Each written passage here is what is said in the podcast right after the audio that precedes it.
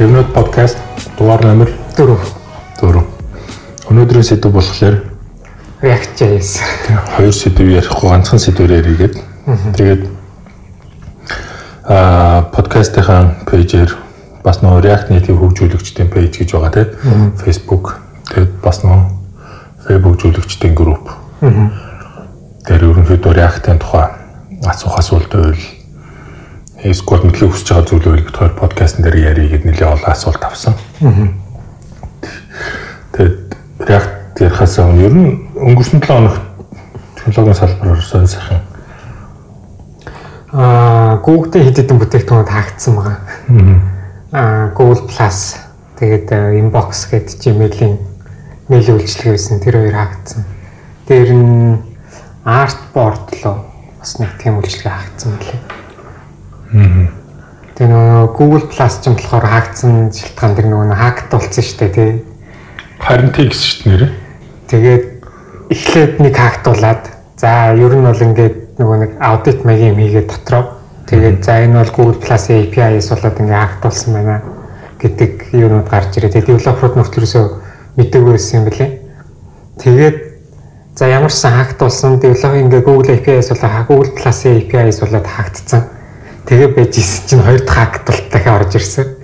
Тэгээд нөхдүүд за болохгүй л ер нь 8 сар таагаа ярьсан байсан чинь да хоёр дахь хактлуудад орж ирээ 4 сард наашлуулаад 4 сар таахарлсан юм билээ. Зүг угаасаа Google Plus ашигладаг угаасаа аягүй цөөхөн болсон байсан бохоо. Тийм тэр нөгөө нэг active session нь бол баг нийт хэрэгжилж байгаа хэрэглэгчдийн 90% нь 5 секундээс доош байсан гэдэг жилээ. Ямар сони юу юу юу үү. Нэг орчоол гарч ичэн гэсэн үг шүү дээ. Маус бол гэсэн. Аа, inbox ашигладаг байсан чи? Гүү inbox-ыг short нөгөө keyboard shortcut ажилтдаг шалтгаанаас болоод ашигладаг байсан. Зөвхөн яг Gmail дээр нөгөө keyboard shortcut-ыг ашигладаг байсан болохоор тэрэн дээр inbox дээр тэр нь болохгүйсэн тэгэл базаа хатцсан гэдэг. Би болохоор inbox ашиглаж байсан л да. Гэхдээ зөвхөн гар утсан дээр яг нөө компьютер дээр болохоор компьютерийн яг нөө mail client буюу нөө mail шалгадаг програм гэдэг шүү дээ. Тэр тэрийг ашиглаж надад илүү амар санагдаад байдаг. Тэгээ нөө Android утастай болохоор чинь Gmail ирж байгаа. Тэгээд яг хав Gmail угаасаа устгаж болохгүй юм чинь disable хийчихэд inbox суулгаад ашиглаж байсан чинь хаагдлаа гингүүд нь inbox устгаж хаяал Буцааж юм. буцаал Gmail руу орсон. Тэгээд Gmail гой болчихноо гэлсэн чинь эхэндээ бол яг зарлал зарслынхаа дараа бол яг л хിവэрэл байсан шүү дээ. Тэгэл яваа явандаа гой гой улсаар бол нэлээ айтайхан л болцсон баг шүү лээ. Тэгээд яг интернетээр ингээ нөө харахаар Google бол одоо юу гэдгийг хэдийгээр том мөнгөтэй одоо юу гэдгийг ямар л нөөц болцоо бүх юм байгаа ч гэсэн баг энэ том хэд дундаа хамгийн олон бүтээгдэхүүнээ ингээд танилцуулаад гаргаад явуулж агаад хэсэг хугацааны дараа хааж байгаа компани болж байгаа юм шүү дээ. Амар олон юм хаасан шүү дээ. Миний мэдхийн Picasso ч хаагдчихлоо бас тийм. Тийм Picasso хаагдсан. Нөгөө Orkut-ыг бас авч хөтлөж аваад хаагаад Orkut тийм. нөгөө нэг сошиал нэтворк байсан шүү дээ. Тийм. Тэгээд тэр нөгөө Google Reader гэдэг Google Reader бас хаагдсан. Ер нь бол тэгэл Google бол нэлийн тэрүүгээр бол нэлийн алдартай болчихсон шүү дээ. нэг Тийм. юм нэг хааждаг.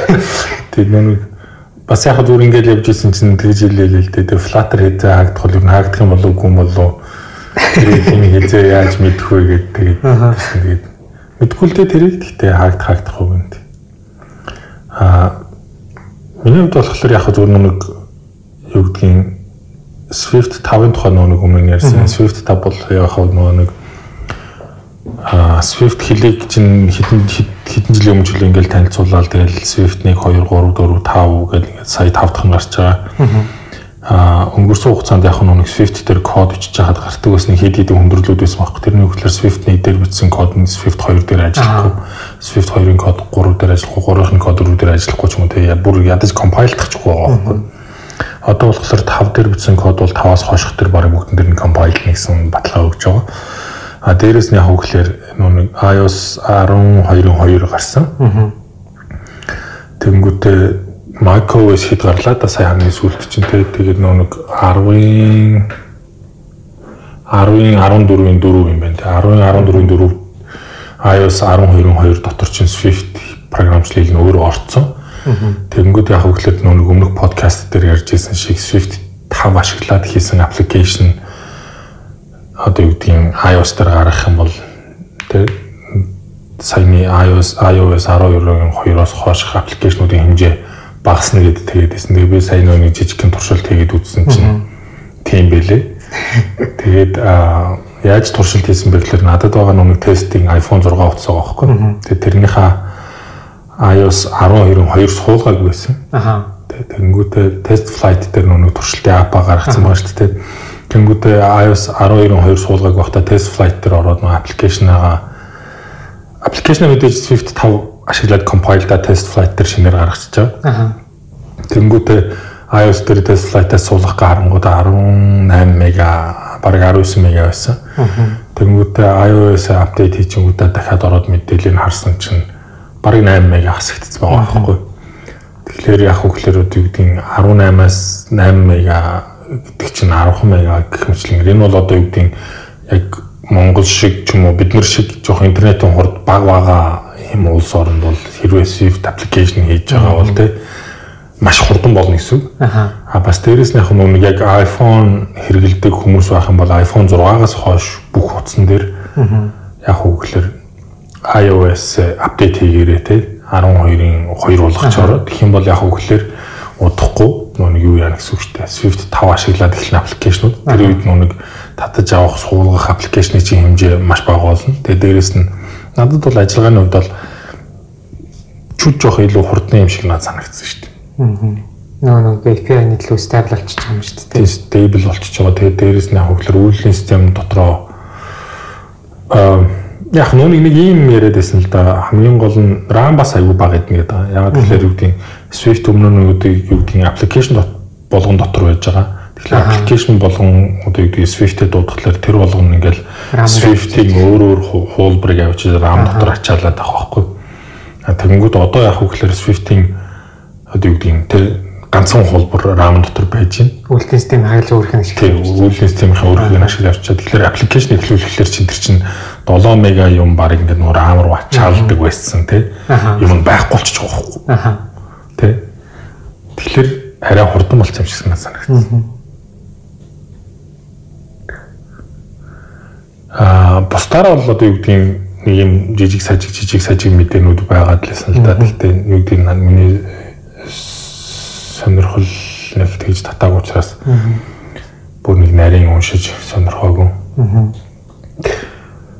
За үндсэн сэдв рүүгээ орох уу? За тий. За. За реакцээс аа ер нь бол нэхэх хүмүүс амар хүмүүс сонирхож ирсэн сэдв. Аа Тэгээд хизээ ярих болно гэсэн асуулт масуулт ер нь бол ганцаар ирж исэн. Тийм. Тэгээд нэг тэр ч бас жоохон нөөгөөд ч юм уу нэг тийм тэгээ байгаа гэсэн. Тийм. Манай зөөрий ч юм болохоор подкастны продюсер аахгүй тийм. Яг одоо пэйжийнхээ админ админ хамаг юм хийгээд надаас илүү анхаарал тавиад тэг хүмүүсээс ямар асуулт ирж байгааг илүү сайн мэдж байгаа л да. Гэтэ ер нь яг зүгээр нэг веб хөгжүүлэгчдийн групп гээд одоо нэг 20 хэдэн мянган гишүүнтэй ч илүү байлаа шүү дээ. Тэгээ тэн дээр ингээд ажиллаж байгаа хэрэг single page application яаж хийх юм бэ? React яаж хийх юм бэ ч юм уу те. Ерөнхийдөө тиймэрхүү асуултууд үе харагдаад идэх надад. Тэгээд тэр доор нь ингээд жишээ нь үгдийн яг хариулаад бичлэхээр а нэг комментын дотор хариул бичнэ гэдэг чинь бол баг боломжгүй шүү дээ тий. Тэгээд магадгүй нөгөөд нөгөөдх асуулт мэдээж ингээл нөө Facebook юм болохоор доошо Google алга болчихно 7 хоногийн дараа ахаал нөгөөдх асуулт нь асуугдах байх л та. Тэгэхээр нэг бол нэг юм гарын авлагын бүтэн орчуулах скол нэлээд том урт блог чи скол одоо чип хоёрын ярьж байгаа шиг подкаст хэлбэрээр хөргөжүүлээрэй илүү амар шүү. За чип юу гэдэг зөөрө бит хоёрын болохоор реакц сурсан хугацаа түүх ашиглаж байгаа түүх мөнх бол ерөнхийдөө нэлээд ойролцоо. Минийх арай жоох уртаа байгаа. Гэхдээ зори бол сүлд орохдоо нэлээд гүнзгий орж байгаа жишээ нь. Тэгээд нийт хичнээн жил барыг реакт биччихв.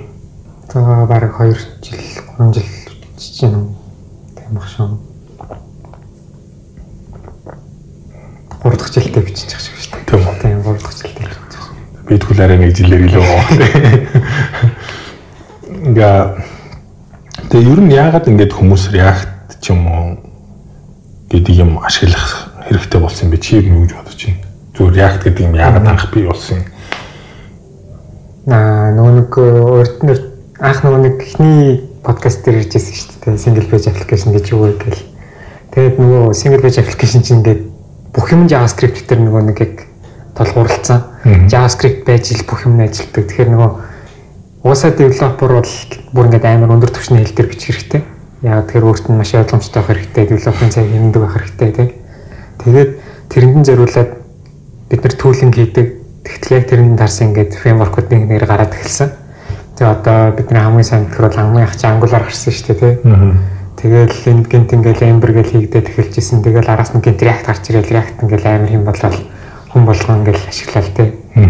Тэгээд яг анх нөгөө React чинь нөгөө нэг яг санаа авч хийсэн хүн хийс яг анх санааг гаргаад яг нөгөө нэг үндсэн суурийг тавьсан хүн болохоор а Джон биш Jordan Walkie гэдэг хүн байт юм байлээ.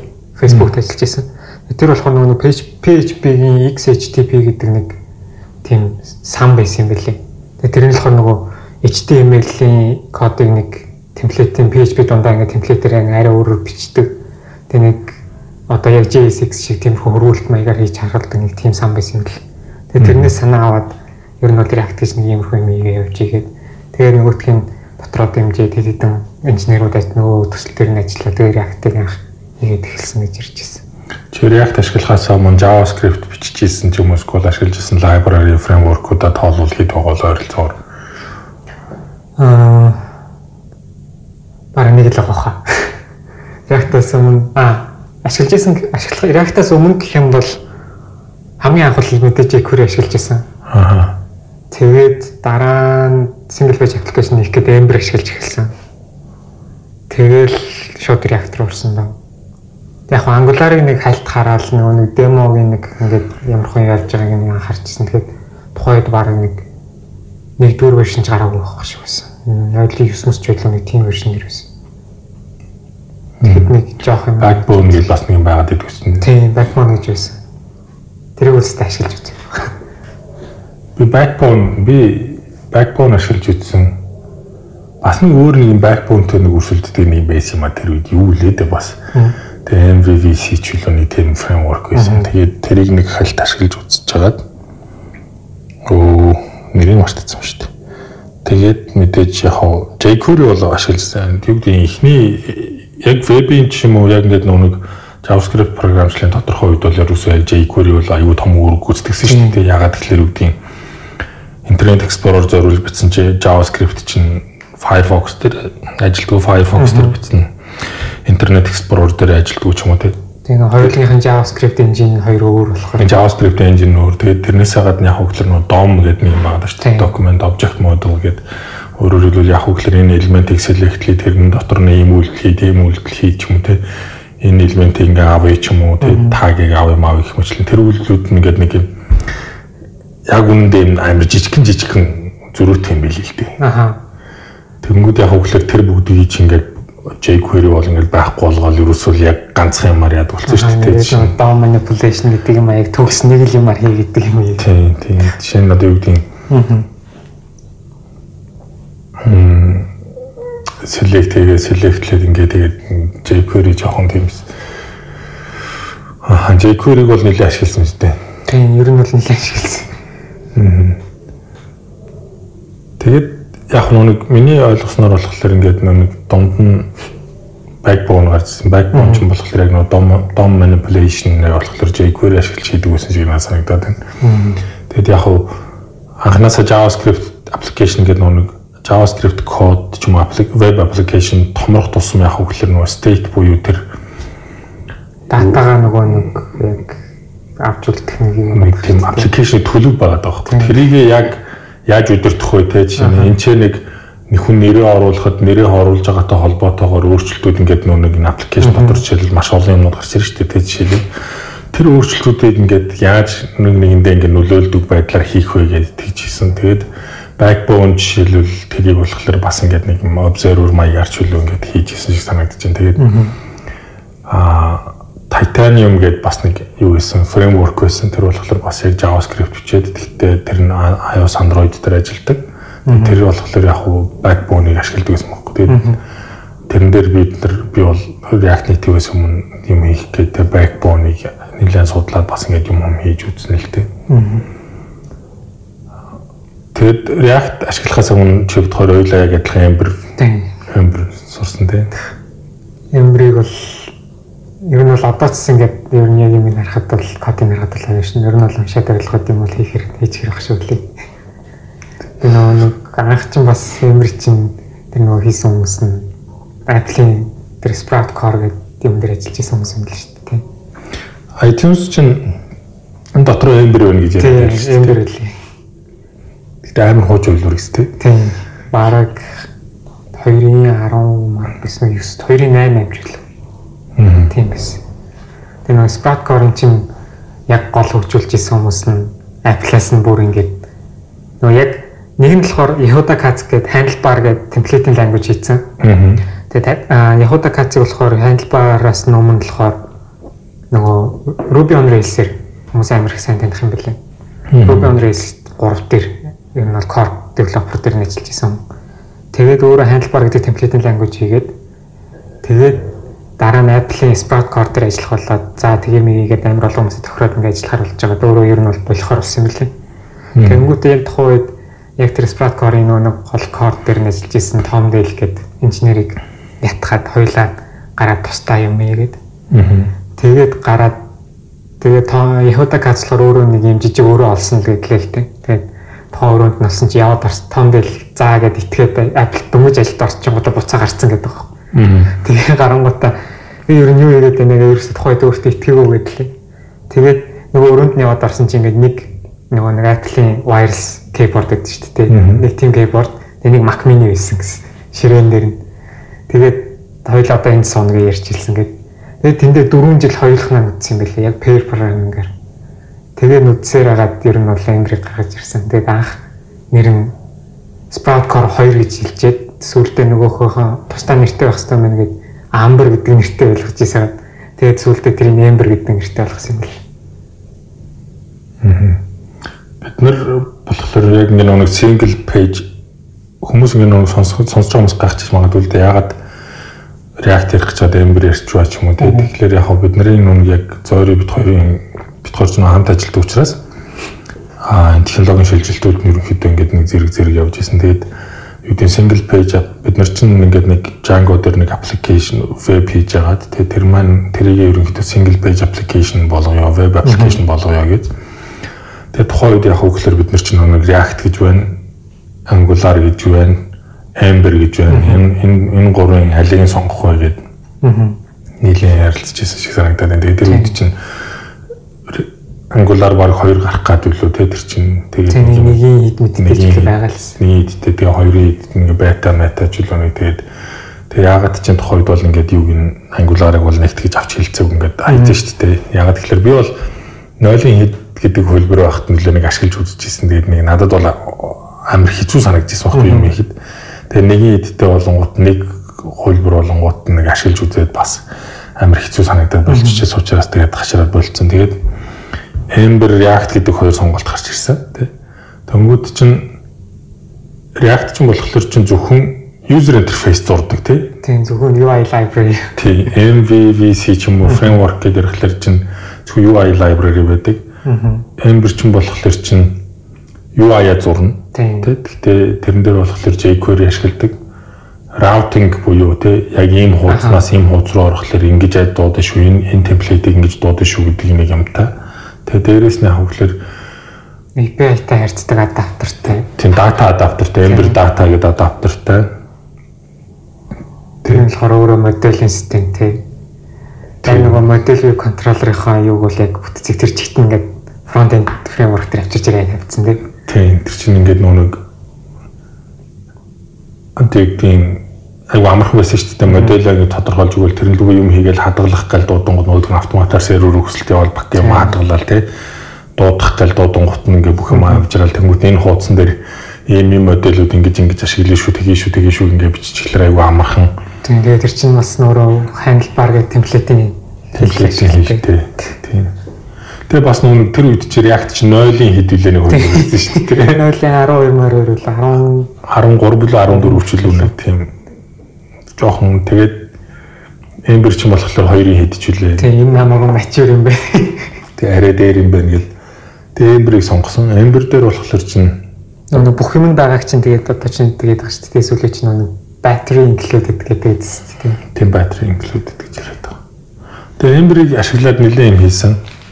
Яг л нэг юу гэдэг Ember дээр чинь болохоор route нь байж байгаа. Яг компонент нь болохоор одоо ингээд бодглохлоор яг л React-ийн компонент дээр ерөнхийдөө нэлээд төстэй шүү дээ. Яг адилхан life cycle ч юм уу илүү бүх юм байж байгаа.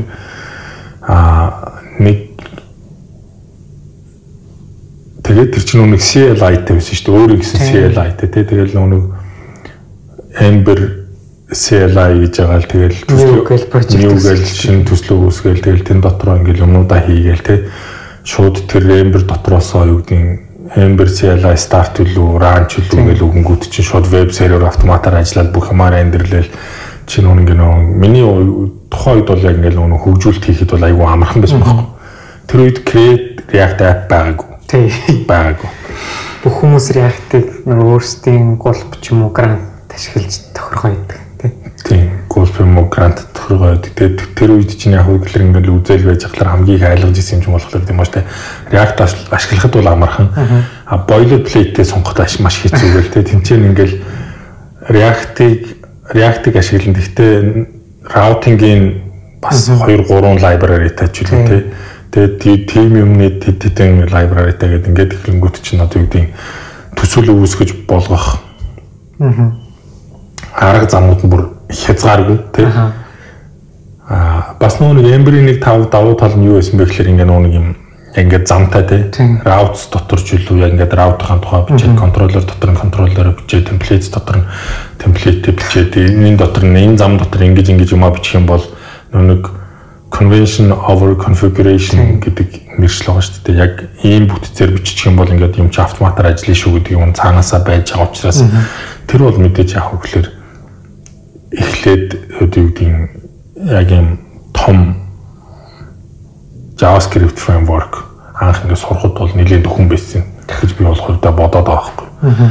Яагаад тэгэхээр шууд эхлээл маш жижигхэн код бичээл шууд ингээл үр дүнг нь үзэл явчихын. Тэрнээс биш React-ыг юуг нь юутай нь холбож хольж бичвэл ямар үр дүн гарах вэ гэл ингээл нэг туршаал хольж хутгаал явах шаардлагагүй байсан.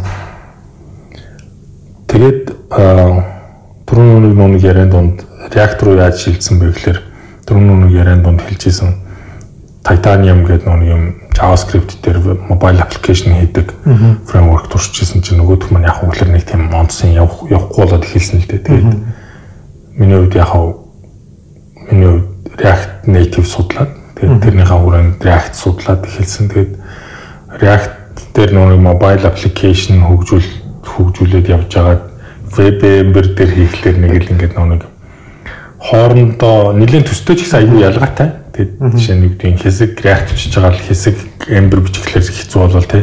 Хэсэг эмбер бичиж байгаа буцаагаад нөө реакта бичих реакт native бичихлээр жоохон хэцүү болоод ангууд нь бүгд нөө бид нар зөөрий бид нар ингээд ярьж байгаад ерөөсөө эмбер дээр бичсэн юм а бүгднгийн ингээд реактор руу шилж болчих тий гэд шилжүүлсэн л дээ. Тэгээд тэрэнд чинь хэдэн 1 7 хоног 2 7 хоног сул.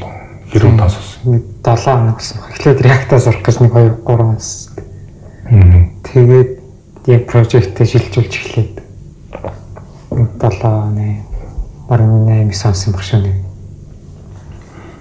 Тийм тэгээд тэр үед чинь болохоор нүг яг одоо юу гэдэг Ember Ember CLI гэдэг шиг Create React app нэгийг хэджүүлээ тэр юм гараад ирчихсэн. Тэ шууд Create React app гэж байгаа шууд төслөө үүсгээл тэ тэн дотроос веб серверээ ажилуулаад юмаа хийгээд яваад ах боломжтой. Гэхдээ routing нь байхгүйсэн баха тий. Тийм routing заавал нөгөө шинээр өөрөө суулгаж тохируулдаг. Тэгээ дээрэс нь яг хөглөр нөгөө юу гэдэг Embrace Embrace React руу шилжсэн учраас нөгөө компонент гэдэг юм а нэлээд ойлголттой болсон тий. Нөгөө JavaScript гэдэг юм чинь Ер нь яг нэг ингээд үг юм яг React ч юм уу jQuery ч юм уу гэдэг ингээд нөгөө хүмүүстэй ярихлаар JavaScript мэдхүүхлээр мэднэ гэдэг байхгүй. Тэгээд JavaScript-ийг яг хэр хэмжээнд мэддэг юм бэ гэдэг ингээд ярихлаар юу гэдэг юм jQuery ашиглаад нэг selector бичдэг ч юм уу нэг team төвшөнд мэдээд байхгүй яг. Тэгтэл яг хөглөр React бичих, эсвэл Ember бичихэд бол арай өөр төвшний, арай өндөр төвшний тий шал өөр мэдлгүүд хэрэгцээтэй болж байгаа. Тэгэхээр тэр хэмжээний мэдлэг нь болохоор бидний хувьд юу гэдэг Ember дээр ажиллаж байхдаа нэлээд айгуу сайн авцсан байсан шүү дээ. Ember ч бас яж хат сервис мэрвс гэдэг айгуу олон гоё юмнуудтай. Тэгээд React Native одоо юу гэдэг mobile application дээр бид нар ашиглаад React Create React app бид нар яах вэ? Веб дээр ашиглаад одоо нэг product бүтээгдэхүүн үйлчилгээ хөгжүүлээд явж байгаа. Тэгээд зарим нэг юмнууд нэг хитахан болчвол энэ цундаа багтаагаад юм уу намартаа багтаагаад нээчих бах. За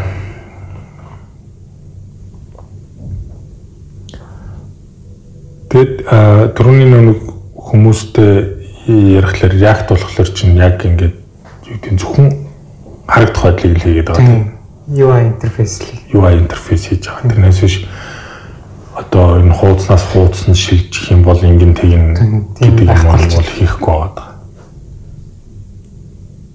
За ер нь яг нэг ингээд гэдгийг сая хүмүүсээс нэг ингээд нэг юу гэдэг React-ийн тухай React-ийн тухай ярих гэж байна гэдэг асуулаар хүмүүс нэлээд юм бичсэн болохоор энэ ч хамгийн нийттэй юм болохоор jQuery сэтгэлгээнээс салах гэж бараг 2 сарыг зарцуулж байлаа гэдэг чинь зарим нь болохоор одоо ч гэсэн баг ингээд байхгүй сусан шингэсэн юм байна гэдээ яриад байна л да. А бас нэг аюу түгээмэл асуусан асуулт нь болохоор React.js, Vue.js-тэй харьцуулбал ямар вэ гэдэг нэг асуулт явуулсан. Тэгээд бидний хувьд бол Vue.js ч үзчихсэн юм. Ер нь бол үзээгүй. Зүгээр нөгөө нэг яг веб руу ороод нэг за яг яаж ажилт юм бэ гэх нэг тиймэрхүү мэдээлэл харж ирсэн. Нилийн төстэй юм шиг санагдсан. Тийм яг нэг дотор нь өөрөө шууд темплейт гэдэг юу нэгээд таг нэгээд тэр дотор темплейтүүдээ бичээ, дээр нь скриптүүдээ бичээ, тэр орн нөгөө ер нь тэр ингээд цаашаа нэг компайлдахтай болохоор шууд хоорондоо яаж харьцаж байгаа мэрч байгаа бүх юм тохиолчдөг юм билээ л тийм. Тэнгүүтээ нөгөө яг React чи бас event hook-уудтэй. Тэгээд тэднийг ашиглаад бүх юмудаа хийгээ явчих болдог. Тэр нэг Уусаа тэр нэг өөрх нь хийсэн хүн байсан шүү дээ. Evan юу гэдэг нэг хүн Google-д ажиллаж байсан. Тэг өөрөө нөгөө нэг gas нэг юм хийгээд прототип нэг юм хийгээд нэг ажилчтай gas ингээ харуулад нэг иймэрхүү юм хийх гэсэн санаа нь яах вэ маах вэ гэд харуулах гэдээсэн чинь байгаа төлөвд нь ерөөсөө өөрх нь ингээ нэг санаанд нийцээгүй тэгээд gas нэг юм хийчихээ тэгээд хийсэн нь ер нь л үжээсэн. Vue.js-ийн групп гээд Facebook дээр байт юм билээ. Тэгээд тэр группийн хүмүүсээс нь дараа дараагийн нэг подкастын дугаар дээр орж ирээд VJS яриад өгчигээд хэлсэн. Тэгэд ер нь яагаад ингэж чин одоо бүгдээр ингэж харъя л да тэгээ Vue.js гэдэг вэ React.js, Angular, Ember гэдээ байж гин а npm дээр таталтайхын тоогоор бол React бол бүгднгээс нь хамаагүй илүү байх шүү л тий. Google дээр хайгдж байгаа тоон ч гэсэн нэлээд өндөр байгаад байгаа шүү лээ. Ер нь React яагаад ингэж хүмүүсийн анхаарлыг татаад байгаа Чиний бодлоор. Миний бодлоор React нөгөө нэг яг ингээд ашиглаад хийгээд явхад нэг амар гой санагдаад байгаа. Яг тэгэхээр өөрийнх нь тэр нөгөө нэг бид нар бол ингээд анх Ember ингээд ашиглаж явж байгаа чинь бол яг л энэ ингээд юмдаа баригдаад ингэж хэрэгтэй гэдэг нэг тийм байгаадсэн чинь React-ор орж ирэхэд ойноо хаана жамаг ингэж хийгээд ингээд ашиглаж байгаа гэдэг нэг тийм ороод ирчихэж байгаа. Тэгэд нөгөө анх Ember-с чинь бол за энэ файл ийм файл би үүсгэж байгаа бол яг эндээ л байх хэрэгтэй тий. Аа би энэ файл зориулсан одоо шинэ Ember дээр ч юм болохоор page гэж байгаа шүү дээ. Тэгээ тэрийг нь болохоор Ember дээр route гэж нэрлэж байгаа. Гэтэл би route бичиж байгаа бол route-а заавал үүсгэхэд route дээр нь template файл нь үүсдэг. Тэгээ route-ийн JS нь үүсдэг. Тэнгүүтээ энэ би route-та тохирсон контроллер бичнэх юм бол контроллер дотор дахиж тэр нь үүсдэг тий. Тэгээд тэгээ юугаа route дотор байж юугаа контроллер дотор байж юм бас заавал тийм заавартай тий цаанаасаа. Тэгтэл нөгөө reactor ч болохоор ямар ч тийм байхгүй чи энийг энд дуудсан ч болно. А хадналтанд дуудсан ч болно, энд нь дуудсан ч болно гэдэг тийм юм болохоор тэр нь амар хэрэгчлөөтэй. Тэгээд дээр нь өөрийнх нь нөгөө нэг React-ийг сурах бас тэр нэг нөгөө нэг learning curve гэж юм байгаа шүү дээ. Тэр нь айгүй амархан ер нь бол гэж санаад байгаа. А тэр нөгөө нэг хүмүүсийн жоохон хэцүү байсан юм болохоор project үүсгэхэд айгүй хэцүү байсан юм шиг байлаа. Тэгээд нөгөө нэг амар олон хүмүүс өөрсдийн гэсэн нэг config биччихдэг. Тэгээд нөгөө config шууд өөрний хүмүүс санал болгоод ч юм нөгөө өөрний хүмүүс нөгөөх нь аваад конфиг дээр нэг жоох юм өөрчлөлт гэхэнгүүт амар хэцүү. Тэгээд ашиглаж чадахгүй нэг амар асуудалтай байдаг гэсэн. Сүүлдээ нөгөө нэг CLI tool гаргаж ирснээр амар олон Create React үсэд. Тэгээ нүүн хүмүүс чинь грантыг жишгэлдэг, гулбыг жишгэлдэг, тажигур Webpack гэдэг бас бандлын тул байгаа шүү дээ. Тэрийг ашиглаад ингээд нэг project ихтүүлдэг нэг юм boilerplate маягийн код бичиж тавьчихдаг. Тэгээ нөгөөхөө ашиглаад ингээд явах гэхээр дахиад нэг юм өөрчлөх болохоор нөгөө project-ээр янзлдаг, нөгөө boilerplate-ээр янзлдаг. Нөгөөх нь нөгөө boilerplate-ээр толгуурлаад нөгөө project үүсгэсэн байсан хүмүүс нь яг нөгөө юунд нь шинээр апдейт ороод ирэхэд нөгөөх апдейт хийх гэхээр бүх алдаанд үүсдэг гэдэг юм зөндөө асуудал байсан юм байна л дээ. Аа. Ер нь бол яг хөө чипт хоёр бол ингээл нэг тэнцэн ингээл зодон үүсч үүсч байгаа нэг тоос нь буугаал арай нэг жоохон хайтаахан болол эхэлж яхад нь яасан. Би болохоор нүг эхлээд нэг ингээ харах дээр яг нүг яг хуучин ч юм уу сэтгэлгээрээр React надад бас нэг таалагдаг нэг юм нүглэр гэл нэг JavaScript дотор компонент ингээл бичиж байгаа л JavaScript-ээр компонент бичижсэн тэгэнгүүтээ тэрийгэ таг болгоод дуудаад байгаа байхгүй. Тэгээ чинд нь web component ч үл нэг тийм нэлээд хүч авсан шүү дээ. Тэгэнгүүт Ember дээр болохоор надад нэг таалагдсан юм яг нэг хуучин арга шиг тий. Route нь гэж байдаг, template нь гэж байдаг. Ингээд нэг хоёр юм ингээд нэг гоё тусдаа байгаад тусад нь ингээд авч явахад илүү айтаах юм болов гэдэг зүуднээсээ бас нэг тухайд Ember илүү таалагдчихсэн. А одоо болохоор яг үгээр яг тэр компонент гэж байгаа, tag гэж байгаа. Тэгээ тэрэн дээр нь JSX тийм custom тийм HTML ч юм уу одоо React Native-ийн tag ч юм уу компонент үүсгэж байгаа.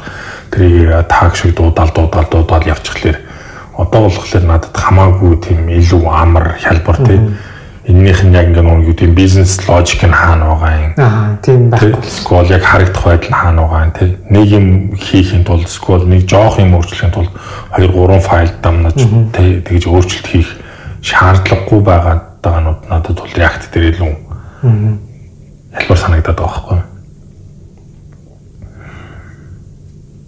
Тэгээд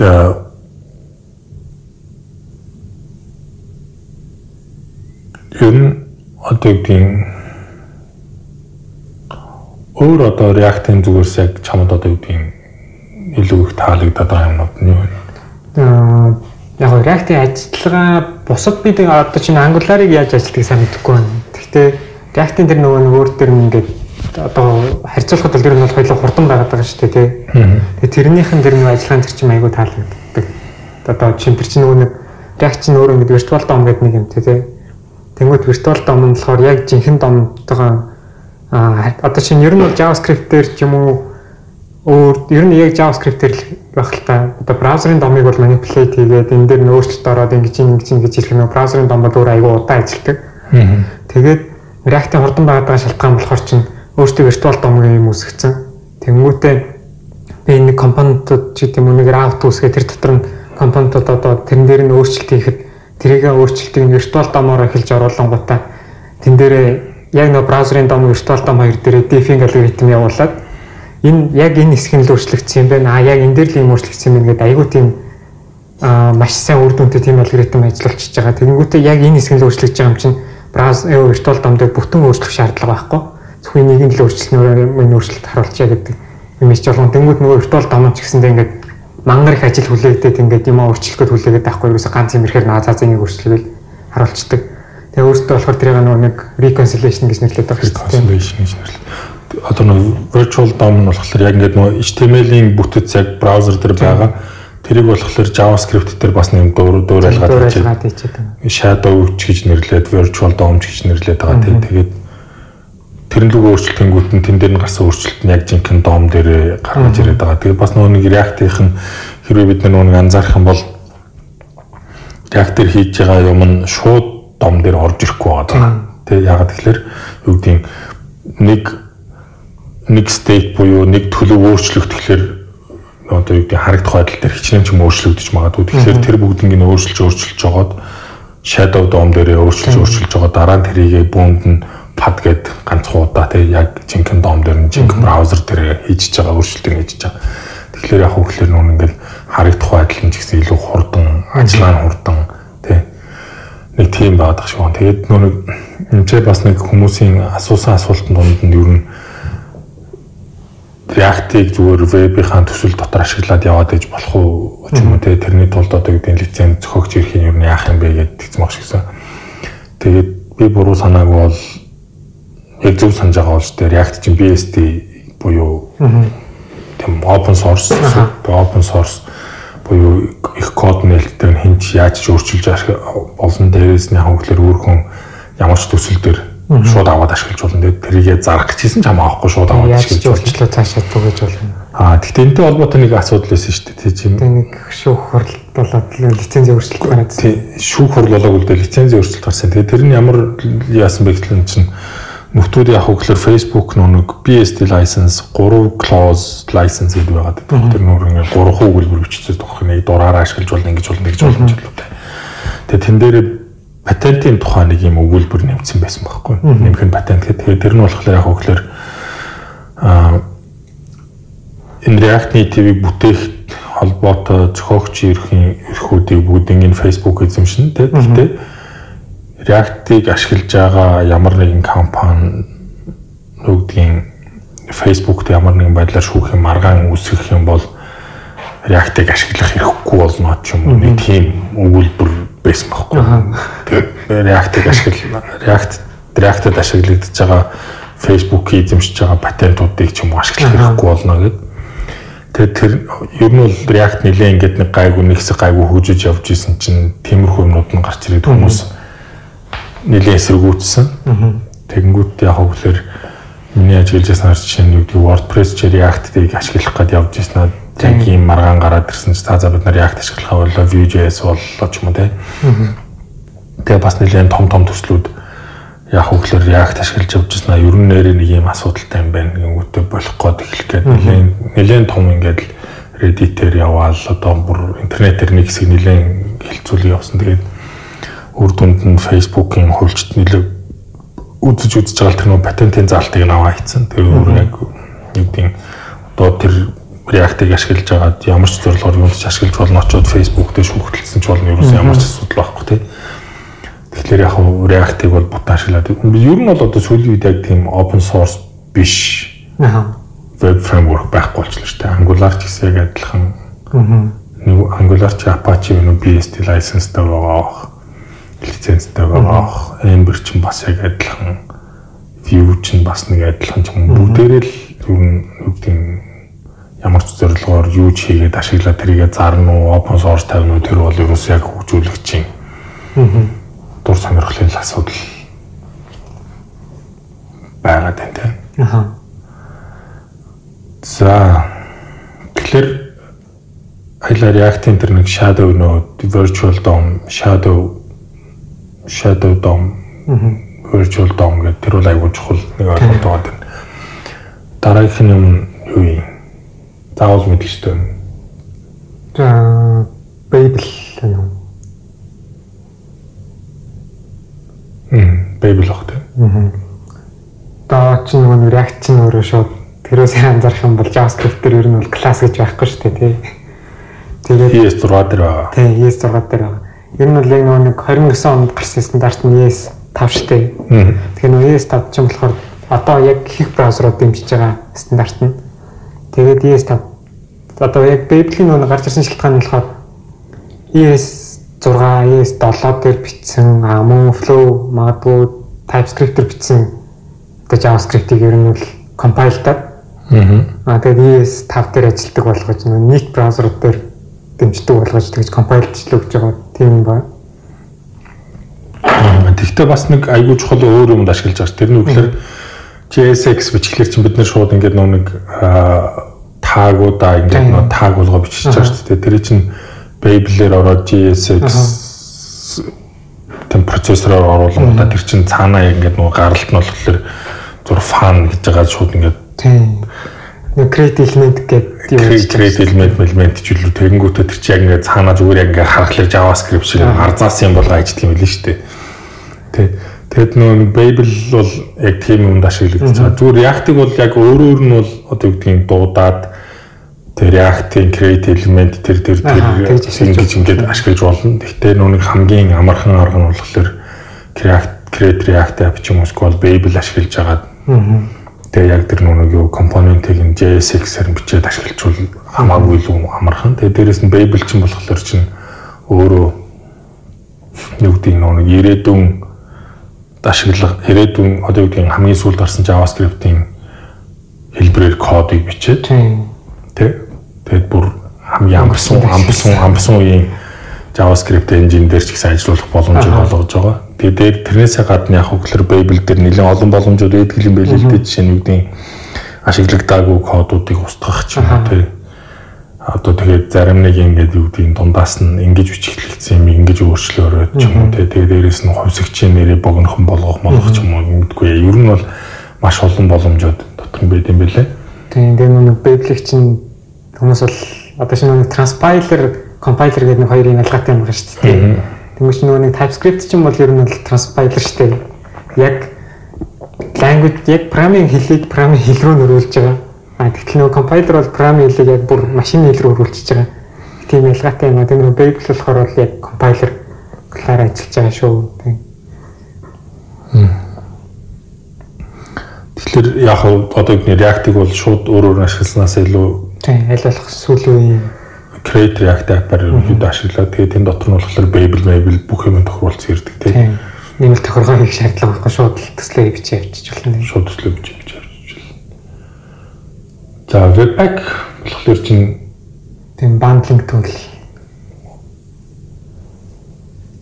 bundling гэхэлэр яах юм? Нэг э, яг JavaScript дээр ер нь яг өөрийнхөө ингээд бичиж байгаа гэдэг аль болох нь модулаараа хийгээд тэгээд одоо энэ үед энэ юуг оруулж ирээд энийг ашиглаад ингэж байгаа гэдэг өөр өөр ингээд тийм модуль маягаар бичих хэрэгтэй байл л дээ. Аа.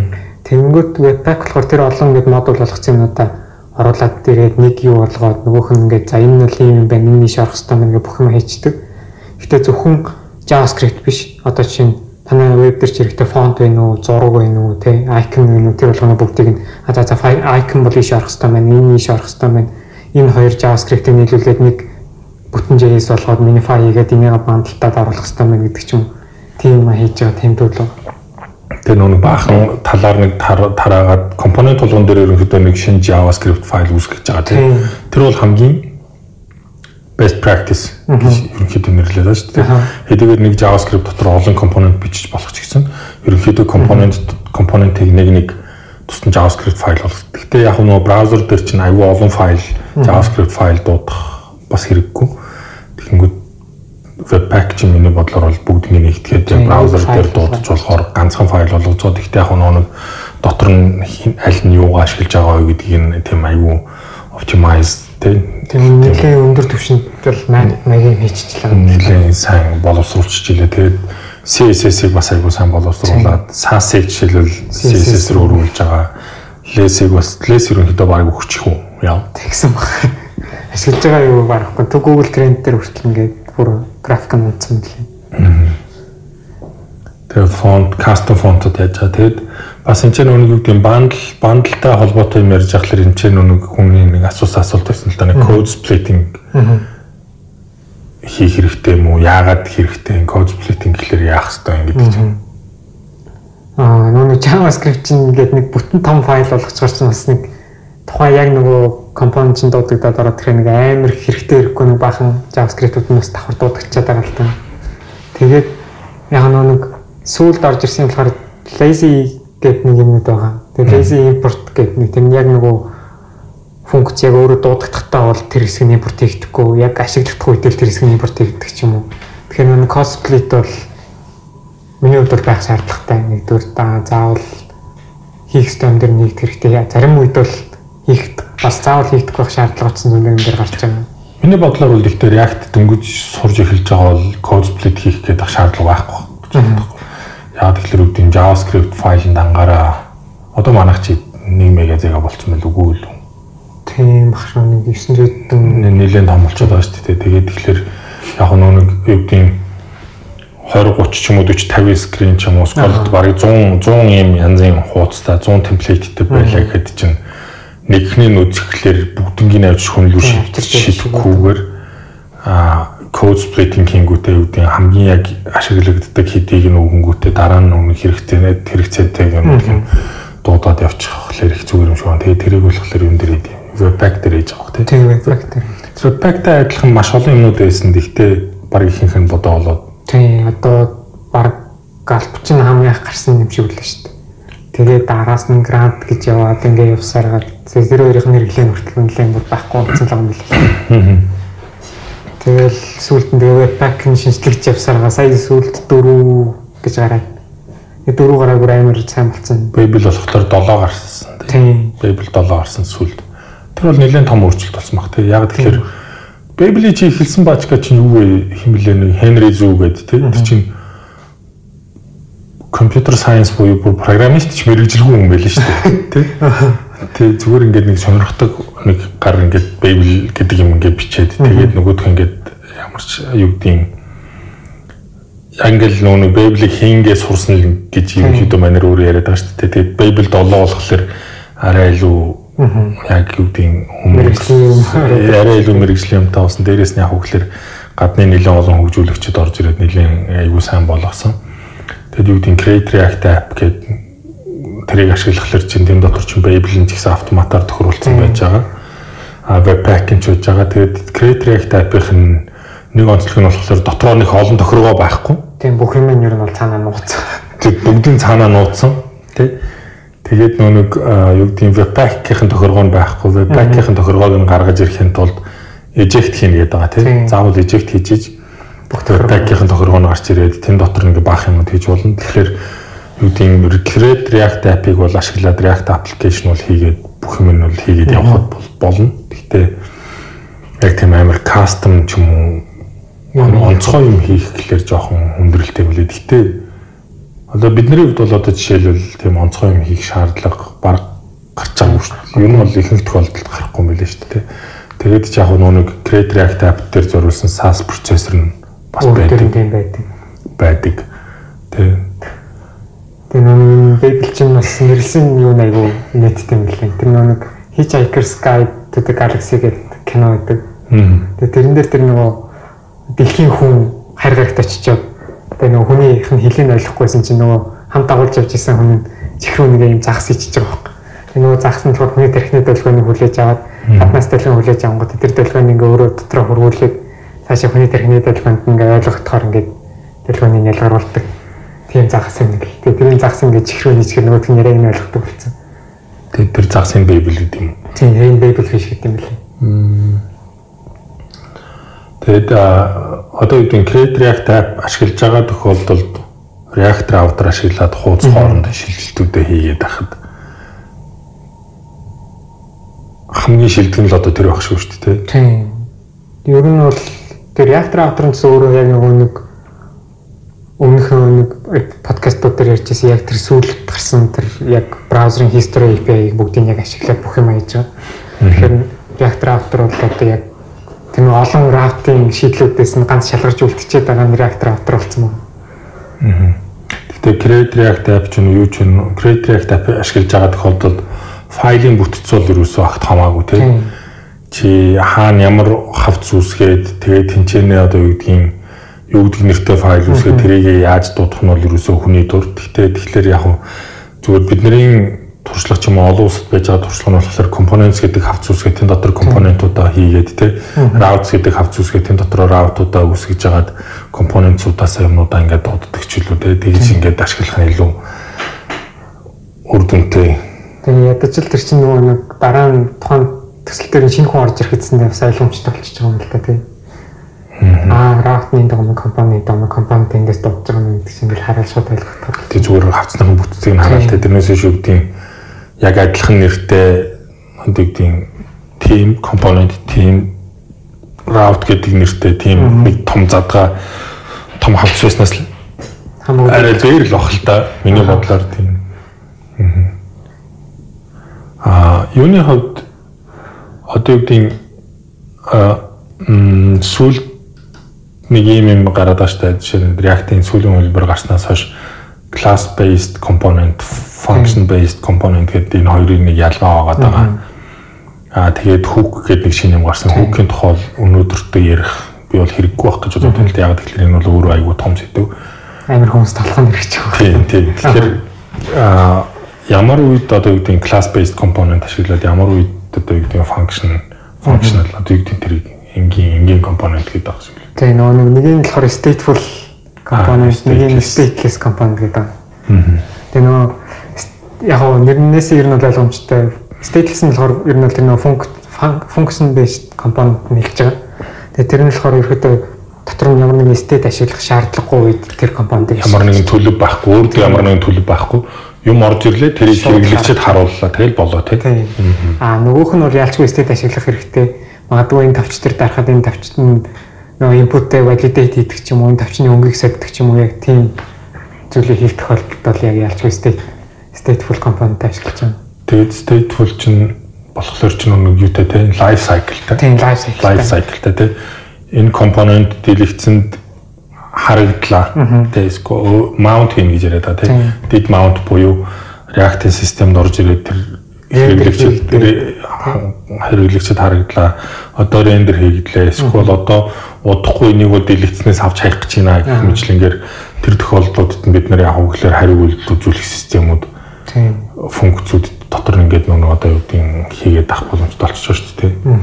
Яг энэ бол яг энэ компонент харагдаж эхлэнгүүтээ ийм үйлдэл хийн шүү дээ. Эсвэл харагдахаа болгоос өмнө ийм үйлдэл шүү гэх юм гэх мэт юм. Stateful Та тийм. Одоо өөрт нь бол тэр чинь тэгэл нөө jQuery ашиглаад хийж мэх чинь болсол ядаргаа олдог.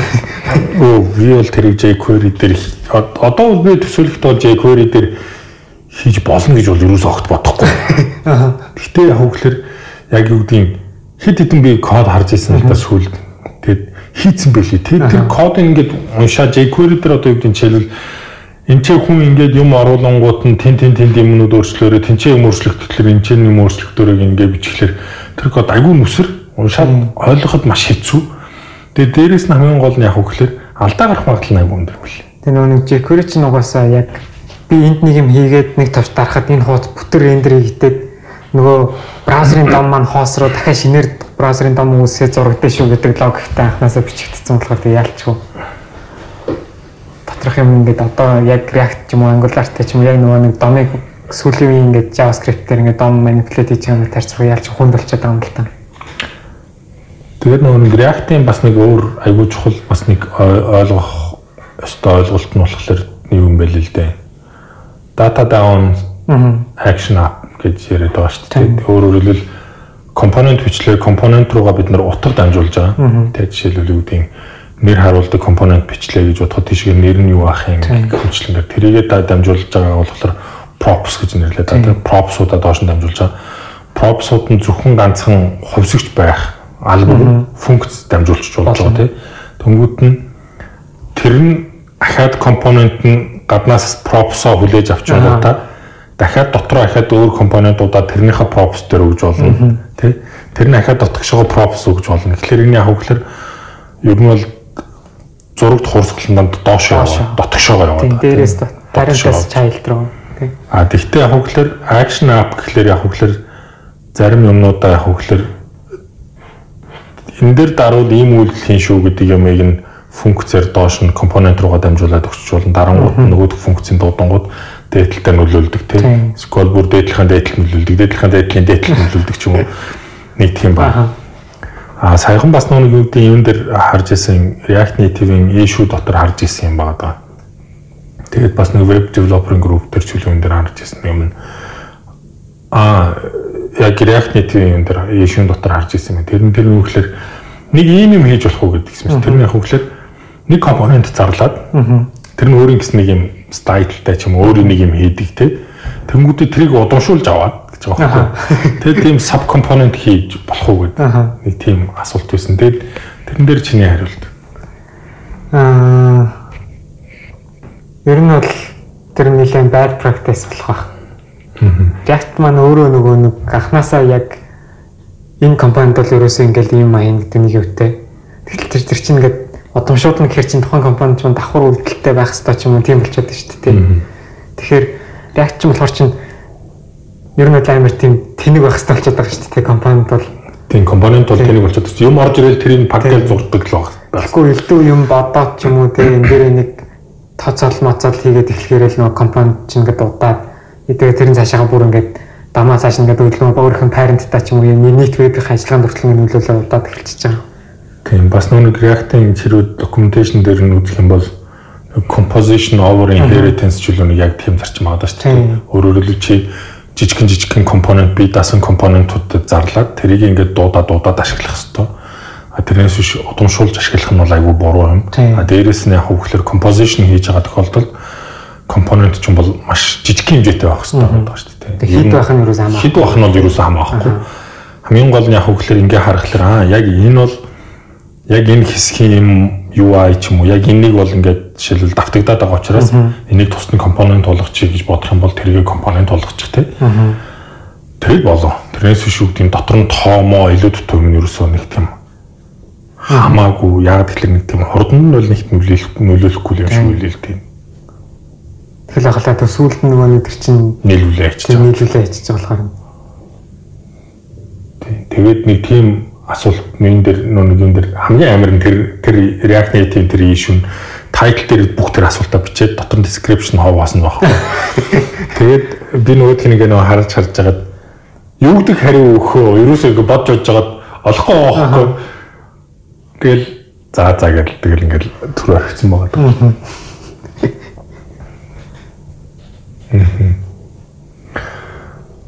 За юу гэдэг тэгэхээр юу гэдэг бид нар бол одоо компонентын тооноос бол юу айх хэрэг баг. Тийм. Айх хэрэг байхгүй. Аа бас бидний нүг юу гэдэг миний бодлоор миний бас нүг реактыг дөнгөж ашиглаж эхэлж байхдаа ч юм уу гаргаж алдаа болохоор яг наадахтай холбоотой байхгүй.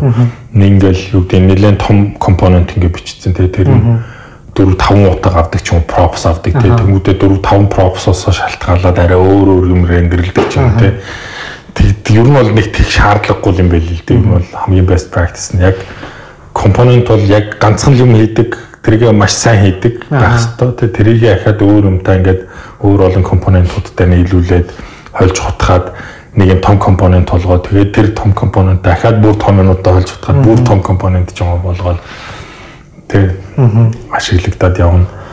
Аа бас нэг юуных нь pure component гэдэг нэг бас нэг ойлголт байгаа. Аа pure component болохоор яг нэг энгийн компонент ч юм болохоор pure component-аас одомжсон байгаа мэт л шүү дээ. Тэ. Тэнгүүд болохоор pure энгийн компонент-аас одомшаагүй. Тэмчлэн. Тий, эсрэгээр байх. Эсрэгээр байсан. За. Тэгээ нөгөө нэг дотор нь одоо чинь pure component болохоор За энгийн нөгөө компонентуудаа харьцуулах юм бол нэлээд их хэмжээгээр нь бол overwrite боломжтой болчихж байгаа юм шиг үлээ. Тэгээд а одоо чинь тэр нөгөө бид нар чинь нэг ивент дээр ч юм уу нэг одоо яг Java дээр ч юм уу юм дээр чинь а компонент чинь хамгийн түрүүнд дуудагдахтаа болохоор constructor гэдэг юу уншиж байгаа шүү дээ. Тэгээ нөгөө объект хандлага ихэнх branch дээр ч юм бол хамгийн түрүүнд constructor ингээл эхлэл дуудах хэрэгтэй гэдэг нэг тийм байгаад байгаа шүү дээ. Тэгээ нөгөө нэг pure component дээр болоод ирэхээр болохоор бид нар тэр конструкторын ч юм уу эсвэл тэр нөгөө нэг дотор нь жүжигдэж байгаа цаанаас нь ингээд бишэд өгсөн байгаа методуудаа override хийхээс гадна гэдэг бас тийм боломжууд байх шиг үлээ. Тэгэхээр ерөөсөө бүх компани ч ашиглаж юм бичиж үзээ үлдээ. Тийм би болохоор нүг амар их ашигладаг байхгүй. Тэгэд ягаад тэгэхээр нүг ингээд юу гэдэг систем яг мэдгүй ягаад ч угаасаа нүг ингээд нүг хурдан ажиллагаа гэдэг юм чинь ингээд нүг аягүй чухал байгаад идэг. Миний бодлоор тэгээд яг яг performance optimization яаж хийх вэ гэдэг тэгэхээр тэрэн дээр бол зарим тохиол pure component ашиглаад байгаа байхгүй. Тэгэхээр pure component гэхэлэр одоо хамгийн энгийн юм нь болохоор ингээд да. React дотор өөрд нь нэг shoot component update ч үлээ нэг тийм нэг юм метод байгаа шүү дээ. Өөрөх нь метод байгаа. Тэр чинь болохоор state аваад props авч байгаа. State props хоёулыг нь авч байгаа. Тэгээд зөвхөн boolean буцаах хэрэгтэй. Тийм. Тэгээд true or false буцаах хэрэгтэй. Тэгээд тэр нь болохоор дотроо ямар нэг юм шалгаж агаад true буцаах юм бол нэг компонент маань өөрийгөө харагдах байдлаа өөрчлөх хэрэгтэй юм байна. Дахиад рендер хийх хэрэгтэй юм байна гэж бодоод рендер хийдэг. False буцаах юм бол рендер хийдэг. Аа тэгмэд pure компонентыг удамшуулчих юм бол пропсуудын автоматар хооронд нь шалгачдаг байхгүй. Аа. Нөгөөх нь одоо юу гэдэг нэр гэдэг пропс орд авдаг байсан бол нэр гэдэг пропс нь өөрчлөгдөж үгүй юу гэдгийг шалгаад. Тэгээ хэрвээ өөрчлөгдсөн байх юм бол рендерлээд аа өөрчлөгдөг байх юм бол рендерлдэг. Аа. Тэгээд тэгэхээр тэр нь бол айгүй чухал. Тэгэхээр яг энэ бас нэг бас нэг анхааруулад байгаа юм нь болохоор хурд хурд хурд гэж бодоод бүх юм дээр pure component ашиглаад байдаг. Тэгэнгүүт яг хөглөр рендерлэхгүй байхаа нэг юм байгаад байгаа. Юу гэдэг хэрвээ дандаа props нь дандаа тийм өөрчлөгддөг, байн өөрчлөгддөг тийм компонент гэдгийг чи мэдчих яах юм бол pure компонент хэрэггүй гэдэг байна. Ягаад тэгэхээр тэр чинь угаасаа л rare render хийх нь ойлгомжтой. Тэгж яах ч урдталт нь ахаал бах юм шалгаж шалгаж байгаа л Тэнгүүтээ за угаасаа рендерлэх нь автоматар true буцаан тий угаасаа л true буцаах хэрэгтэй. Тэнгүүд нь тэр чинь юу гэдгийг зүгээр л рендерлээд болчих юмд чинь урдталт нь заавал ингээд нэг хачин юм шалгаад байгаа нь жоохон буруу байна гэд тэгээд байгаа.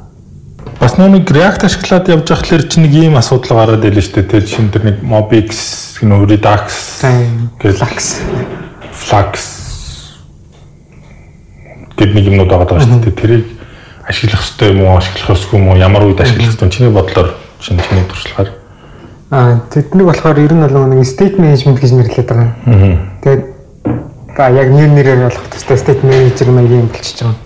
Тэгээд state manager болохоор яг ямар их тэгэхээр компонент хооронд нэг нийтлэг нэг state ашиглаад нөгөөхөө ингээ хоорондоо хуваалцах ч юм уу тийм тохиолдолд хэрэгжилж байгаа. Тэгээд одоо хамгийн алтартай нь Redux-лах шүү дээ. Redux бол супер л дээ. Би бол одоо Redux бүгд тэрч Redux гэж байна. Mobix-ийг юу ч ашиглаж үзег. Mobix ч болохоор нэг юм арай өөр өөр юм шиг үл шүү дээ. Аа Redux болохоор нэг reducer тийм байгаад байгаа. Тэгээ ерөнхийдөө цаатал Mobix нь болохоор нэг observer маягийн юм шүү.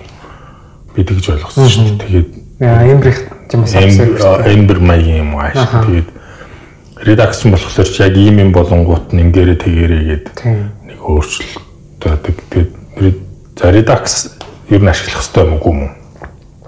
Үнэхээр яг нөгөө нэг комплекс төвшөнд яг тэр нэг стейттэй өөр хооронд компонентэд хуваалцаад энэ стейт тэр ийм нэг энэ стейт дотор ийм хадгалаад ингээд одоо тэр store гэж нэрлэдэг байгаа шүү дээ. Тэр store дотор ингээд ийм хүмүүсгээ тэрнийхээ имийг ингэж шалгаад ингээрээ гээд тийм нэг нөхцөл редакс үнхээр хэрэгтэй. Аа бүр тийм амар ингээд комплекс төвчний тийм амар юм хийхээгүй нөхцөлд бол редакс мэдээ шаардлага байхгүй. Тэр энэ яг React дээр өөр дөр байгаа тэр context API гэдэг нэг эсвэл өөрөөр нь зүгээр component stateful component state-ийн ч гэсэн ашигласан болох. Тэр нь ашигласан болно гэсэн. Тэр нь амар шүү дээ. Тэр нь миний бодлоор. Шинэ одоо юу гэдэг за хайлтын хуудас хийлээ тийм. Хайлтын хуудас нь тэр дотроо л одоо юу үр дүнгээ харуулаад болж ивэл баг болчих шүү дээ тийм state manager хэрэггүй болчих state manager хэрэггүй болчихно. Аа бид нар ч нэг хайлтын хуудас хийж хахад Redux ашиглал ашиглаагүй л ашигласан. Ашигласан. Аа тэр нь ч болохоор яг хөглөр нэг хуудаснасаа үр дүнтэй үр дүнгийн нэг хуудас руу орчоод буцаагаад ирэхлээрээ байхгүй болох гэдэг. Нэг бичсэн өмнө хайс үр дүн байхгүй болчиход байсан учраас тэрийг нь хадгалахын тулд Redux ашигласан тийм. Өөрөөр хэлбэл яг хөглөр ямар нэгэн state нь application state гэж бол ямар нэгэн state нь хуудас хуудас хооронд хэрэг ашиглахаар бол ашиглан тийм. SQL юу гэдэг бүр нэг юм хоёр өөр компонент бүр амар хол шүү дээ. Нэг нь нэгнийхээ хүүхэд эцэг биш. Тийм хамааралгүй. Хоорондоо хамааралгүй хоёр нөхөр хоорондоо ингээ нөө мэдээлэл ингээ солилцох ч юм бол application state гэдэг бүр нэг application-ыг бүр хамгийн гадна талд навьж нэг reducer redux react redux ашиглаж байгаа л connect хийж байгаа л тийм. Тэгэхээр нүг react react redux ашиглаж connect хийж байгаа компонент чинь болохоор container component гэж нэрлэдэг байгаа. Аа жирийн компонент чинь болохоор чинь зүгээр компонент гэж нэрлэдэг л шүү дээ. Нэршлийн хувьд. Тэгээд нэг юуных нь single page application ч юм уу React ашиглаад хүмүүс веб хийх хандлагууд айгүй нэмэгдээд байгаа л да. Гэхдээ зарим тал дээр ингээд нөө нэг харахад тэр нь яг үнэхээр зөв юм уу буруу юм уу гэдэг дээр чинь мэдэхгүй байгаа. Одоо юу гэдэг хамгийн ихний подкастн дээр ч илүү ярьж ирсэн шүү дээ. Мэдээний сайт бол одоо React дээр хийх нь буруу юм байна гэдэг. Тэр яагаад тэгэхээр нүүд чинь server side rendering гэдэг юм байхгүй байгаад байгаа. React server side rendering гэж юу юм ямар ач холбогдолтой юм жишээ нь те хэрвээ server side rendering React дээр хийх гэж бол бид нар өнөөдөр ямар хуу шийдэл ашиглаж байгаа тухай жоо яриач. За server side rendering болохоор ерөөдөө а спатай нөгөө адилгүй нь одоо бидний марын нөгөө нэг уламжлалт арга гэх юм уу те сервер дээр бүх хуудасаа бүх тухайн хуудас дээр ингээд юу юу ямар мэдээл одоо яг нөгөө нэг логик кодноос бичигдээ гарч ирэх хэвээр энэ тэрийг сервер дээр рендерлээд хэрэглэгч рүү зөвхөн HTML хуудас шидэж байгаа. Тэр болохоор яг сервер сайд рендеринг болчихж байгаа. Одоо яг хамгийн энгийн жишээ нь бид нэг PHP дээр нэг хуудас үсгээл хуудсан цэг PHP өргөтгөлтэй байгаа л нөгөөх нь дотор нь HTML-ээ бичээл тэгснэ гинт PHP-ийн таг амигээл тэр дотор нэг echo ч юм уу магадгүй нэг if нөхцөл шалгаал эсвэл формын submit хийгээл тэгэл нөгөөхөө явуулаад а одоо нөгөө нэг Apache сервер дээр ч юм уу PHP дээр ингээм ажилтуулаад нөгөө хуудасаа буцаахад биднэрт яг нөгөө хуудсан рендерлэх цэвэр ирдэг. Аа. Тийм үед байгаа. Тэгтэл нөгөө Apache болохоор чин хэрэглэгчид браузер энэ кодыг аваад энийг рендерлэрэ гэдэг юм аа зүгээр хөгжиж байгаа болохоор чин яг HTML-ийг харахад хов хоосон хов хоосон юуж байхгүй шүү дээ. Ганцхан тагтаад нэгэн div тагтай л. Тэр дотор юмар рендерлэрэ гэдэг JavaScript-ийг бичиж өгсөн. Тийм юм байгаа. Тэгээд нөгөө server side rendering маань болохоор ягаад шаардлагатай вэ гэхээр нөгөө Google-ийн хайлтанд орох те. Google-ийн хайлтанд орохын тулд crawler bot нь нөгөө яг өгсөн URL-ийг чинь нөгөө хуудсыг рендерлээд хараад а энэ дотор ийм таг байна, ийм таг байна, ийм таг байна, ийм тагаар нь би нэг цаашаа Google-ийн хайлтан дээр ингэж индекслэх хэрэгтэй гэдэг юм хийх хэрэгтэй байсан чинь нөгөө Google-ийн crawler нь JavaScript ажиллахгүй учраас хав асан цав цав хуудасаар рендерлээд а энэ чинь би рендерлэх юу цаашаа crawler bot нөгөө Google индекс руугаа хийж чадахгүй мэн гэдэг. Тийм Google JavaScript дэмждэг болсон шүү дээ бүр сүүлд. Гэхдээ тэр бол жоохон тааруухан байгаа юм шүү. Ер нь бол өөртөө бол JavaScript индекслж байгаа л гэдэг байгаа. Гэхдээ мэдхгүй яг үнэхээр нөгөө Гэхдээ Google-ээс гадна чинь Bing-ийнх байж байгаа, тэ Facebook-ийнх хамгийн том нь одоо бол Facebook байгаа шүү дээ. Үүдээ нөгөө юм шеэрлэхлээр чи юуж хаширхгүй байгаа шүү. Тийм. Бас адилхан нөгөө нэг crawler bot-тэй тэр өгөөрэй. Тийм crawler bot-тэй тэгээд тэр JavaScript мета тагуудаа аваад энэ дээр нь одоо шинэ нэг open graph-ийн нэг юм байгаа шүү дээ. Элементүүд энэ дээр ингээд энд нь зураг байх хэрэгтэй байна аян тагийн төрөл нь ийм юм чи энэ зураг нь дээр хажуудаа өдргээ тийм бүгдийн апин графикын тагаар шийдэж байгаа. Тэгээ тэрийгэ шийдэхин тулд дахиад тэр чинь бас яг нөгөө сервер талдаа рендерлэгдээд хуудас дотор хамт ирэх шаардлагатай болчиход байна. За тэгээ тэрийг яаж шийдэх вэ? Одоо жишээлбэл React Create одоо юу гэдэг энгийн тохиолдолд Create React app ашиглах ашиглах нь хамгийн зөв. Аха. Гэхдээ Create React app чинь миний ойлгож байгаагаар болохоор server side rendering байхгүй байхгүй. Тийм хийж ер нь бол тийм юм хийхгүй Тэгээ хийж болох юм шиг л дээ хийхин тулд буу ажил юм шиг л шүү дээ. Eject eject хийгээд буу юм. Eject хийгээд дотор нь нөгөө нэг хамгийн анх хуудасаа build хийхдээ ийм юмнуудаа энэ тэндээс нь серверний юм байх хэвээр. Тэгээ дээр нөө юу Creator React маань build хийчихээ нөгөөх нь ажиллахдаа заавал нэг сервер ажиллаж иж нөгөөх нь ирсэн хүсэлтэд авангуудаа тэрийг а энэ URL-ээс ийм хүсэлт, ийм URL ирж байгаа юм байна. Би энийг энэ шийд амжуулах хэрэгтэй гэдэг юм аа. Тэнд нэг сервер талын код ажиллаж ич тэр юм хийж явах хэрэгтэй болчихж байгаа. Тэгээ яг манай сонгосон шийдэл болохоор чинь шууд React дээр Zite гэх компани хийсэн Next.js гэдэг React framework байгаа. Тэр болохоор server side rendering-гээ өөрөө хийдэг. Тийм. Тэр нь одоо юу гэдэг Create React app-аас юугаар ялгаатай? Аа яг хав Create React app болохоор чинь server side rendering гэдэг зүйлийг хийхгүй Аа next болохоор server side rendering гэдэг юм анханаас нь шийтгэе гараад ирсэн. Тэгээ нөө нэг угаасаа single page application дээр ийм асуудал гарч ирнэ гэдэг нь ер нь бол хаа бүх газар ингээд ойлгомжтой болцоо. Одоо view хүртэл цаанаа сая ингээд нөгөө нэг аа Next.js үлээ те яриад юм бас next яг адилхан гэхдээ бид нар чинь энэ дээр болохоор нэг fast food гэдэг юм хийгээд яг зөв ажиллуулах гэдэг бас махаа идсэн шүү дээ. Тэгтээ ажиллуулж чадлуу чадаагүй. Тийм чадсан тийм. А Next.js ч юм болохоор миний ойлгож байгаагаар одоо юу гэдэг чи Next.js ашиглаж байгаа бол React router ашиглахгүй. Тийм өөрийнх нь өөр төр router байгаа. Тэгэд бас өөрөө нэг юм чамд энэ заавал нэг бүтц тулгаад ах шиг үлээ тийм үү? Тийм ер нь бол router-ууд нь бүгд page гэдэг folder дотор байх хэвээр. Аа тэрний sub route нь дотор нь одоо чиндээ юм магадгүй аа ми гэдэг route үсгээд ми магадгүй миний route нь мигийн одоо password гэдэг юм уу тийм байх юм бол би өөрийнх нь next-ийн pages гэдэг folder дотор me гэдэг folder үүсгээд индексээ бичээд индекс нь болохоор яг me-гийнх нь ороход гарч ирэх хуудас нь индекс нь ямар үргэлжлэлтэй файл вэ? index.js JS JSX JSX гэсэн шин ер нь бол тэгээд пассворд нь болохоор нөгөө me гэдэг folder дотроо дахиад пассворд юм үүсгэж юм тэгээд ингээ nested үгийг явчих боломжтой. Тэгэхээр шахах нүг яг бидний нөгөө анх хэлж исэн Ember маягаар явчихна. Бусад компонентуудаа хааж хамаагүй биш. Тэр бол хааж хамаагүй. Зөвхөн тэр би хэрвээ яг route ашиглаж байгаа бол тэрийг ашиглах юм билээ. Аа дээр нөгөө нэг одоо шинэ React router дээр ч болохоор өөр дээр нөгөө нэг link гэдэг нэг tag байгаа. Тэр нь болохоор яг нөгөө нэг HTML-ийн anchor tag. Гэхдээ tagтай. Тэгээ tagтай адилхан. А тэгвэл юун дээр болохоор next дээр болохоор бас яг нь тусдаа линк гэдэг таг байгаа. Тэгээд тэрийг нь бас ашиглах хэрэгтэй. Тэгжиж яг нөгөө хуудас маань хоорондоо яг React-ийн аппликейшн шиг ингээд зүг зүгээр шилжиж боломжтой болж байна.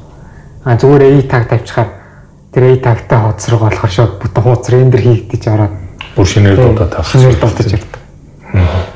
Одоо юу гэдэг Next.js-ийн бас нэг өөр нэг бас нэг өөр өөр давуу тал нь болохоор миний харжсанаар болохоор static site generator байгаа дах шүү дээ. Static хуудас generate хийж болно шүү. Static хуудас generate хийн өөрөөр хэлбэл тэр чинь ингээд JavaScript дээр React дээр бүх кодоо бичиж бичиж хагаад нэг Next.js пад гэдэг ажлуулаад нөгөөх нь dist гэдэг фолдер дотор илүү тэг юу гэдэг чинь Cig next гэдэг фолдер үүсэж. Cig next гэдэг фолдер үүсээ тэн дотор нь болохоор шууд баахан HTML хуудсууд үүсэж байна шүү дээ.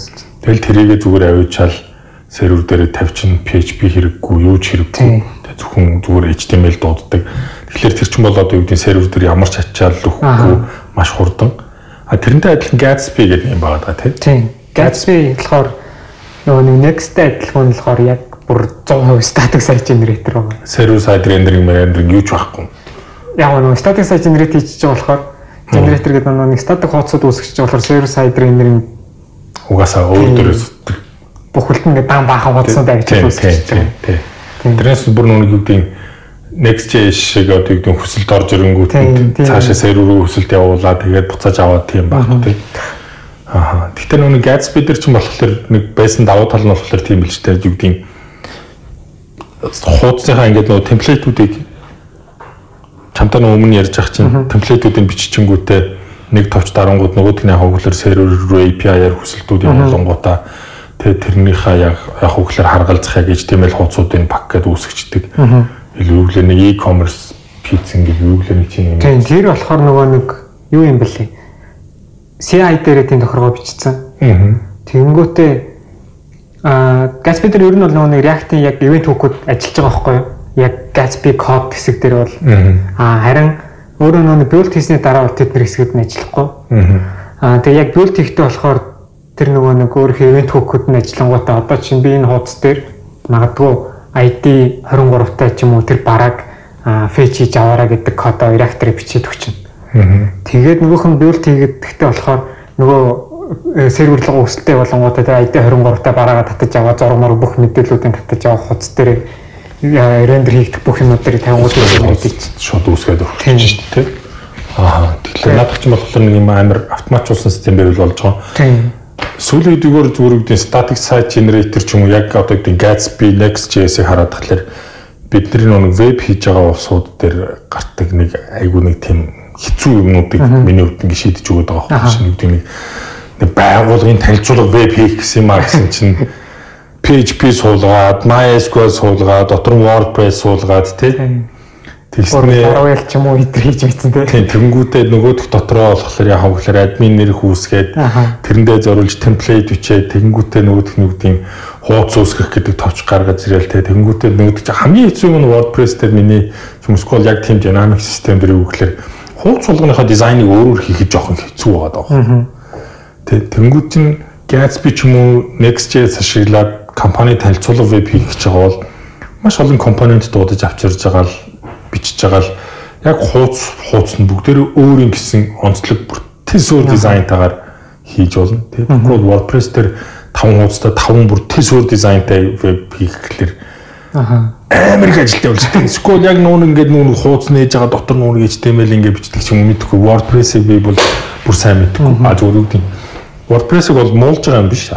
Гэтэ компани танилцуулга нэг 10 20 30 40 хуудас танилцуулга вебинд бол арай л нүсэрдэл арай л томдоодох шүү. Тэгээд яхад PHP болохоор нэг аюулгүй байдлын алдаанууд гарч ирнэ тийм.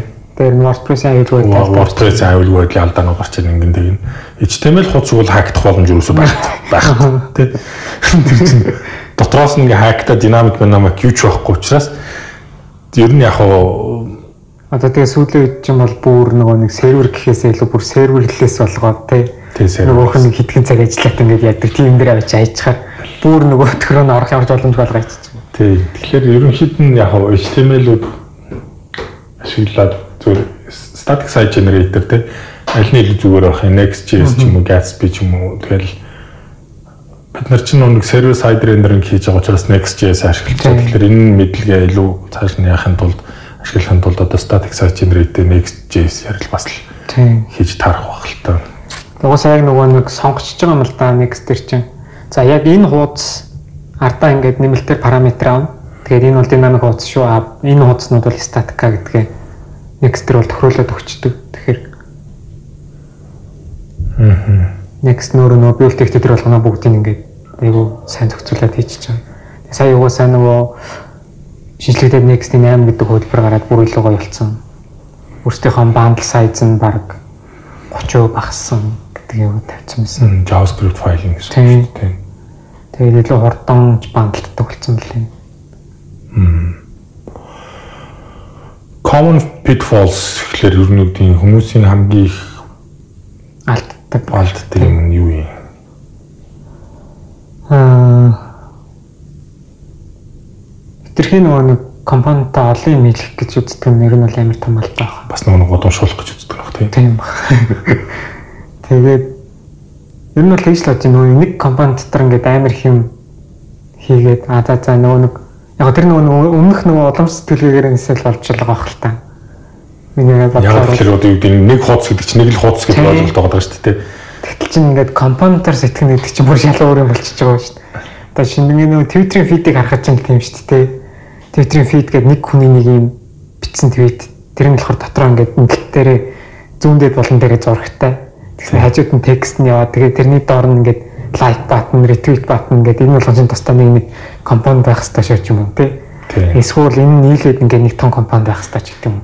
Яг яаж зэтгэх юм те тэрнээсээ ингээд ер нь бол яг хүмүүс амар халддаг байх гэж бодчих. Ер нь ягаад чанууд нэг том компонент байх, нэг жижиг компонент байх нь юугаар ялгаад Яа нөгөө нэг том компанид байхаар амар хэм рендерлэх хэрэгтэй болчиход байна л та. Тэгээ нэг жижиг компанид байхаар чинь зөвхөн тэрэн дээр өөрчлөлт орсон бол тэрийг л рендерлээл одоо яг нөгөө виртуал дом ашиглаад тэр цаанаа ингээд diff algorithm явж маад байгаа чинь давуу тал нэг тэн дээр л гарч ирж байна. За за одоо чи бид хоёр ингээд ярил л да. За нэг Twitter feed байна. Тэ Twitter feed байна. За тэрийг ингээд нэг бүхлээр нь бичлээ гэд тэгэхээр чинь одоо чинь би ингэж явж лайк дарахлаар тэр бол бүтнээрээ рендерлэгдэх гэдэг шүү дээ. Бидний нүдэнд бол ингээд нэг анивчиж харагдахгүй ч гэсэн. Тэгтэл яг үндэ цаана амар ресурс идэж амар ресурс идэж байгаа. Тэнгүүд лайк батныг нь тусад нь ганц компонент болгоод тавьчихлаар лайка дарангууд зөвхөн тэр нь дөнгөх гээд улаан болохдоо зөвхөн тэрэн дээр л юм ажиллаа. Тэгээд цаашаа бусад одоо текст зураг мурга ахиж рендерлэхгүй тийм илүү хурдан болж байгаа. Окей, зөв зөв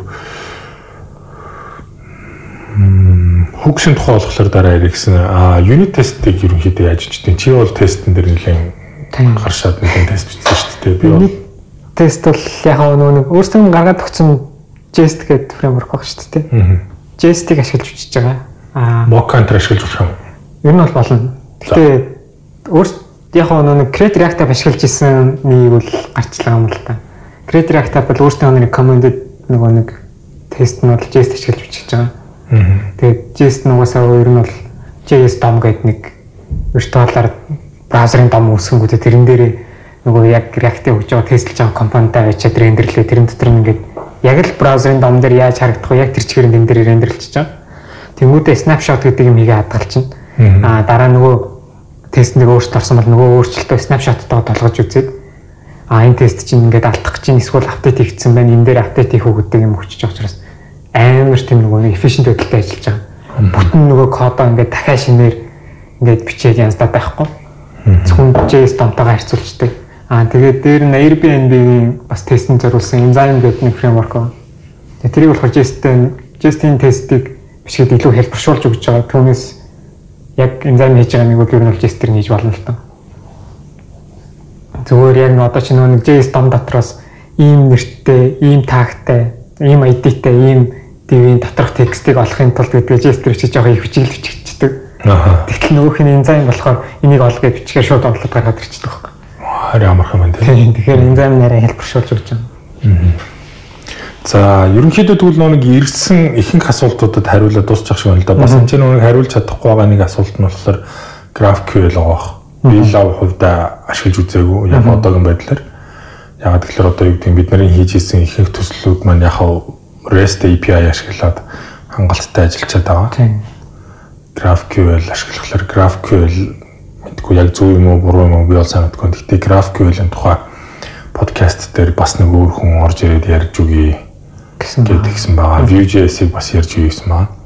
Аа гэдэг нь жишээл Angular за Angular байгаа Ember байна, Vue.js байна, React байна. React-ийн чинь би хамгийн том давуу тал нь юу гэж хараад байна вэ гэхээр React гэдэг одоо юу гэдэг юм React гэдэг юм яаж ажилладаг вэ гэдгийг чинь нэгэнд сурчих юм бол HTML ашиглангуудаа веб хийж болж байна. SQL React Native ашиглаад гэхдээ тэнцэн нүг div, mev гэсэн юмнууд байхгүй. Арай өөр таагууд текст өөр өөр таагууд байгаа. Гэхдээ чи нэгэн тод тэгээ сурцсан юм а веб хийхэд ч ашиглаж болж байгаа. Аа мобайл гар утасны аппликейшн хийхэд ч ашиглаж болж байгаа. Гэхдээ мэдээж яг үгээр React Native ч юм уу ингээд ярихлаар одоо сүүлд нэг юун дээр нэг групп дээр ирсэн байсан шүү дээ. Нэг React.js дээр веб хийж маа тэрийг шууд mobile React Native дээр ап болох боломж уу гэд. Боломж байхгүй яагаад тэгэхээр тэр хоёр чинь шал ондоо. Платформуудын жишээлбэл React Native хийж яхад гэсэн iOS Android-ийн бас зөрөөнүүдийг гаргах арай өөр өөр код бичих шаардлагууд бас гарч ирдэг. Тэрнтэй адилхан веб ч гэсэн арай ондоо. А ер нь бол яг нэг компонент компонент сэтгэлгээгээрээ сэтгээд бичээд эхэлчихвэл нөгөө талд нь div бичижсэн бол нөгөө талд нь text бичээл тэ нөгөө талд нь input бичижсэн бол нөгөө талд нь text input бичээл state management нь яг адилхан redux ч гэсэн ажилтнтай бүх юм нь ажилтдаг учраас миний бодлоор React-ийн хамгийн том давуу тал нь тэр байгаа. Бас нөгөө талаас яг хөглөр миний хувьд Flutter гэл ингээл гарч ирээл хүмүүс ингээ шуугаалсан. Би Flutter-ыг нэг ч удаа за нэг нүдээр ингээ нэг тал харсан баг. Тэгэд бүтэн хараагүй SQL суулгаж үзээгүй туршаагүй бас нэг өөр нэг шилтгэн бол ерөөсөө тэр байхгүй. Бид нар Web-ийн project дээр төсөл дээр React ашиглаж байгаа тийм. Аа тэгэхээр энэ нэг ингээ сураад олоод авцаа одоо юу гэдэг чи 2 3 жил би ингээ бас харин 2 3 жил 4 жил тийм сурцсан энэ мэдлэгийг веб дээр ч гэсэн гар утсан дээр ч гэсэн ашиглах боломж байвал энийг л ингээл ашиглаад явах хэрэгтэй. Тэгэхгүй яг ингээл юу гэдэг өмнөх туршлагач мал тийм байгаа шүү дээ. Миний чи React Native дээр биччихсэн аа Ember дээр орохлоор яг ингээд нэг хэсэг ингээд гацдаг байхгүй. Тэгээд Ember дээр хэсэг гацчихсан аа бичиж биччихсэн аа буцаагаал дээр орохлоор ахаал хэсэг гацдаг тийм. Аа тийм юм байхгүй. Яг нэг сурсан нэг мэдлэгийг ингээд өөр газрууд дээр ашиглах боломжтой болчих. Аа бас яг хөглөр одоо React Native Windows гэдэг байгаа тийм. Тэгэхээр React Native-ийг ашиглаад React-ийн компонентууд бичээд Windows application бичиж байгаа. Тэ.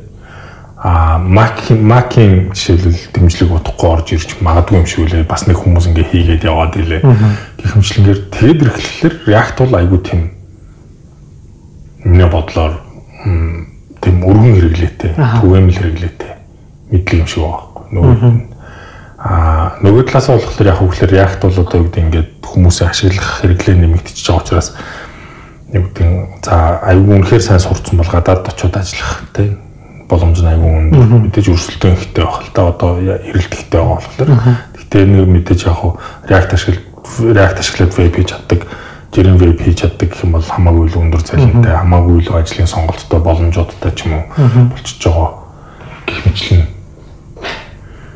Давуу талууд байна.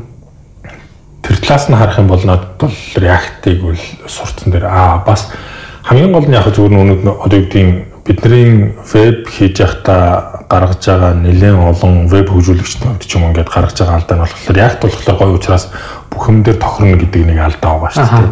Бид нар чинь өмнө нэг веб хийж ягаад яг үн дээр React дээр бас хийлэн React дээр Тэгээ React дээр нэг хийж үзээ тэгээд үнэхээр тохиромжгүй байсан шүү дээ. Тэгээд сүүлдэн дээр энэ server side rendering гэдэг Django project өнөөдөө болгосон зүг юм байна. Django нь өөрөө вебээр рендерлээд хэрэглэгчтэй өгсөн хамаагүй илүү зөв шийдэл юм байна гэдэг дээр хүрсэн шүү дээ. Яагаад тэгэхээр тэр нэг ингээл нэг жоохон жоохон жоохон асуудалтай тий. Тэр нэг React-ийн чинь бас нэг давуу тал нь community айгу ихтэй тий. Тийм community айгу том. Тэгэхээр амар том асар их хүмүүс ингээд React-д ингээд орцсон тий. Тэгээд тэрэнд ингээ оролцоо зарим нь ингээд хийхтэн нөгөө нэг community ихтэй байгаа чинь нэг давуу тал юм байна шүү дээ. Миний ингээ хийгээд надад алдах гэсэн юмыг арин нэг нь өөр нэг газар оролдоод яг тэр халтайг гаргацсан байж идэг. Тийм. Тэгээ нөгөөх нь яаж асах асуудал нь аль дээр ингээ шийдэгдсэн. Тэгэхээр аа за за ингээд юм гарах юм бол ингээ шийдэгдэх юм байна гэдэг ч юм уу тийм. Аа. React Native хөгжүүлэгч тэгээд Facebook дээр групп байгаа. Тэр чинь одоо 1 сар 2 3 сар арай болоог баха. Тэгээд болцсон уу? 3 сар арай болоог баха. Арай болоог 300 үгүй 650 гаруй гүшүнт болцсон байж байна. React.js гээд хөгжүүлэгчд гээд бүл групп бас саяхан нээсэн. Дорхнол ингээл паргал айгу олон хүмүүст болчлаа шүү дээ. Тэгэхээр React Native group дээр болохоор ерөнхийдөө React Native талаас нь яриад а React.js дотор нь болохоор ерөнхийдөө веб талаас нь ер нь React.js-ийг яаж илүү зөв ашиглах юм бэ гэдэг талаас нь илүү бас ярилцаад явуул илүү зүгээр юм болов уу гэж бодсон. Тэгээ дээрэс нь яг одоо үгдийн подкаст сонсож байгаа улсуудаа нэг сонинд болгоход 4 сарын 25-нд бид нар React Native Ивэн Монголын хамгийн анхны meetup-ыг юм уулзах өдрөлөг зохион байгуулах гэж байгаа. Аа тэн дээр гурван сэдв яригдана. Эхний хоёрыг нь хэлчихээ дараагийнх нь очоод хүмүүс үзэх те. Эхний сэдв нь болохоор би бүл мандах ярьж байгаа. Тэр нь болохоор React Native дээр яаж application бичих вэ? React Native гэж юу юм бэ гэдэг. Тэгээд яаж application бичих вэ гэдгийг ерөнхийдөө шууд тэр газар дээр нь application хийгээд үзүүлнэ. Тэг. Аа дараагийнх нь болохоор зөөрий ярьж байгаа. Зөөрий болохоор тэр нэг аппликейшнийг яаж илүү гоё яг React болгох вэ те яаж компонентыг яаж бичих юм бэ?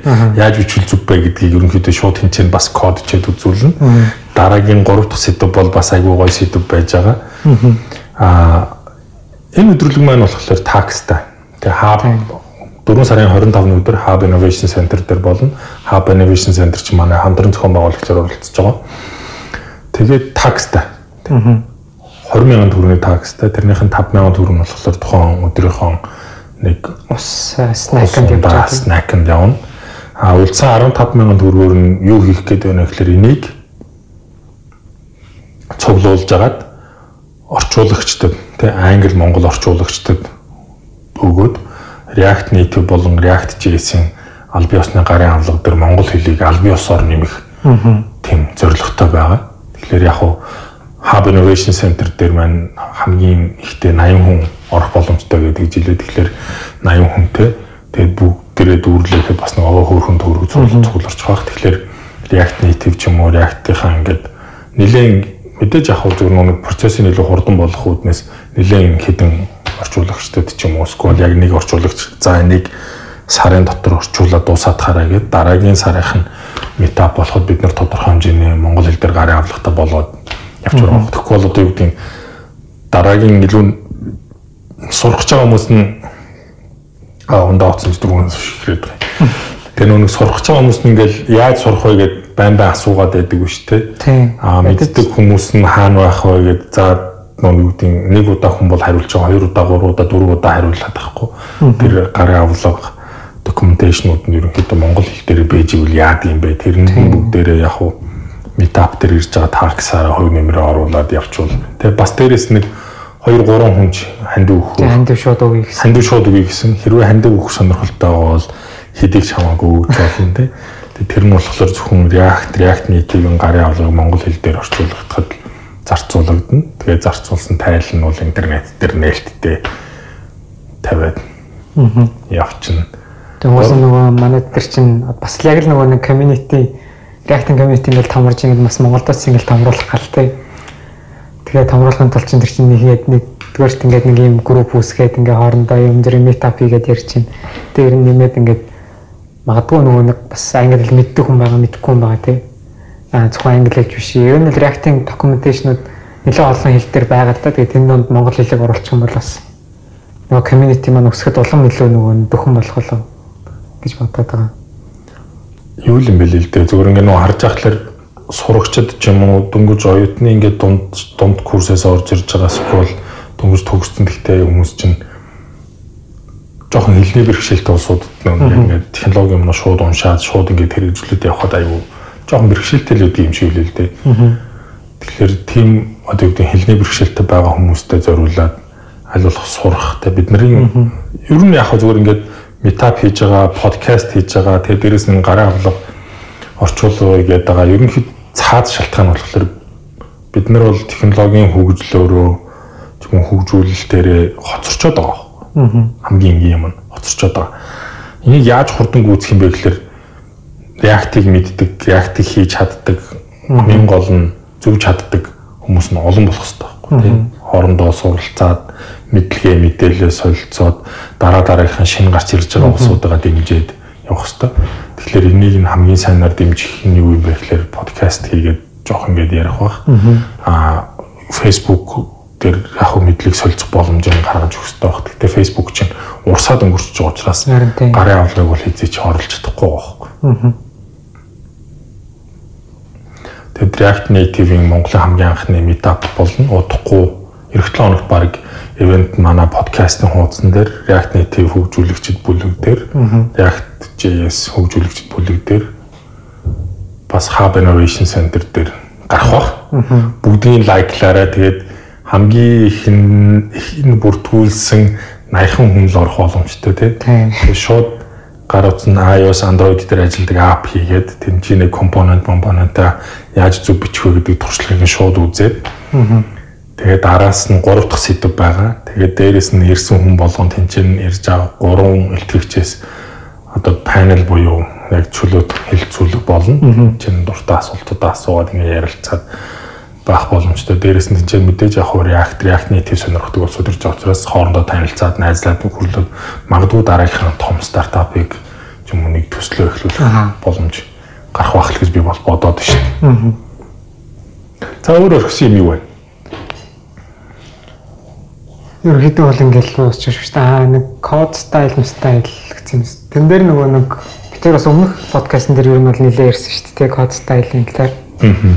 Тэн дээр чинь яг хүн болгоно нөгөө нэг өөрөөр бас илүү нөгөө нэг код бичих юу нэг тийм юм баг шүү дээ. Тэгэхээр ингээ нөгөө нэг тэр дээр ч бас яг тиймэрхүү юм гарч ирээд харин тэр Prettier гэдэг VS Code-ийн extension ашигласан. Тэр нь л шууд яг стандарт React-ийн одоо бичиглэлтэнгээ шууд JS JavaScript кодоо хөрвүүлээд өгчдөг тийм нэмлээ гоё тийм extension. Ямар ямар ч хамаагүй код ингээл JavaScript код хэрвээ болдог бол нэг мөрөнд багтаагаад биччихэл save дарангууд чинь par гэл аюу гой болгочихсон шүү дээ.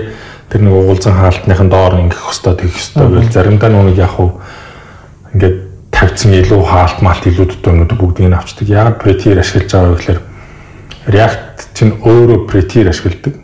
Кодын стандарт нь одоо React ашиглаж байгаа баг баг бүх төслүүд ер нь Prettier дээр суурилж байгаа байхгүй Тэгээ React дээр чи чинь кодыг өөрчлөлт хийх юм бол нөгөөх нь Prettier-ээр шалгагдаад Prettier-ийн дараах болон өмнөх хөлбөр нь яг адилхан байна уу гэдгийг шалгадаг тий. Хэрвээ өөр байх юм бол уучлаарай энэ pull request-ийг чинь энэ өөрчлөлтийг авах боломжгүй гэдэг хариу өгдөг автоматжуулсан системтэй мөлий React. React Native бас тийм болцсон. Сүүлд тэгэхээр яг юу гэдэг JavaScript код бичиж байгаа хүн болгон ерөнхийдөө Prettier ашиглаад явчихвал би хин ч гэсэн JavaScript код бичиж байгаа бид нэр хоорондоо код үзүүлээд ирэхлээр бүгдээрх нь код нь хөөхөн гоё царайлаг байна те. Тэгээд JavaScript бичиж байгаа бол бас ESLint ашиглаарай. Тийм. JSLint, JS хинт ч юм бол байхгүй болцсон шүү.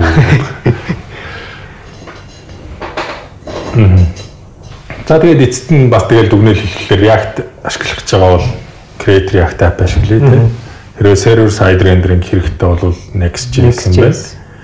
А Gatsby, Scroll, Next.js ашиглаад static site generator, React ашиглаад static site generator static site үүсгээд ашиглаж боломжтой тийм тэр нь бол HTML хооц гараад ирнэ. Hacked бол Mac бол гэсэн асуудал ахгүй. Хурдны бүр ямар ч асуудал байх. Тийм. Тэгээ Webpack энэ ч юм болохоор чи юу вэ? Image optimizer энэ төр байдаг шүү дээ. Нэг модуль болгоод тавьсан л байгаа л да.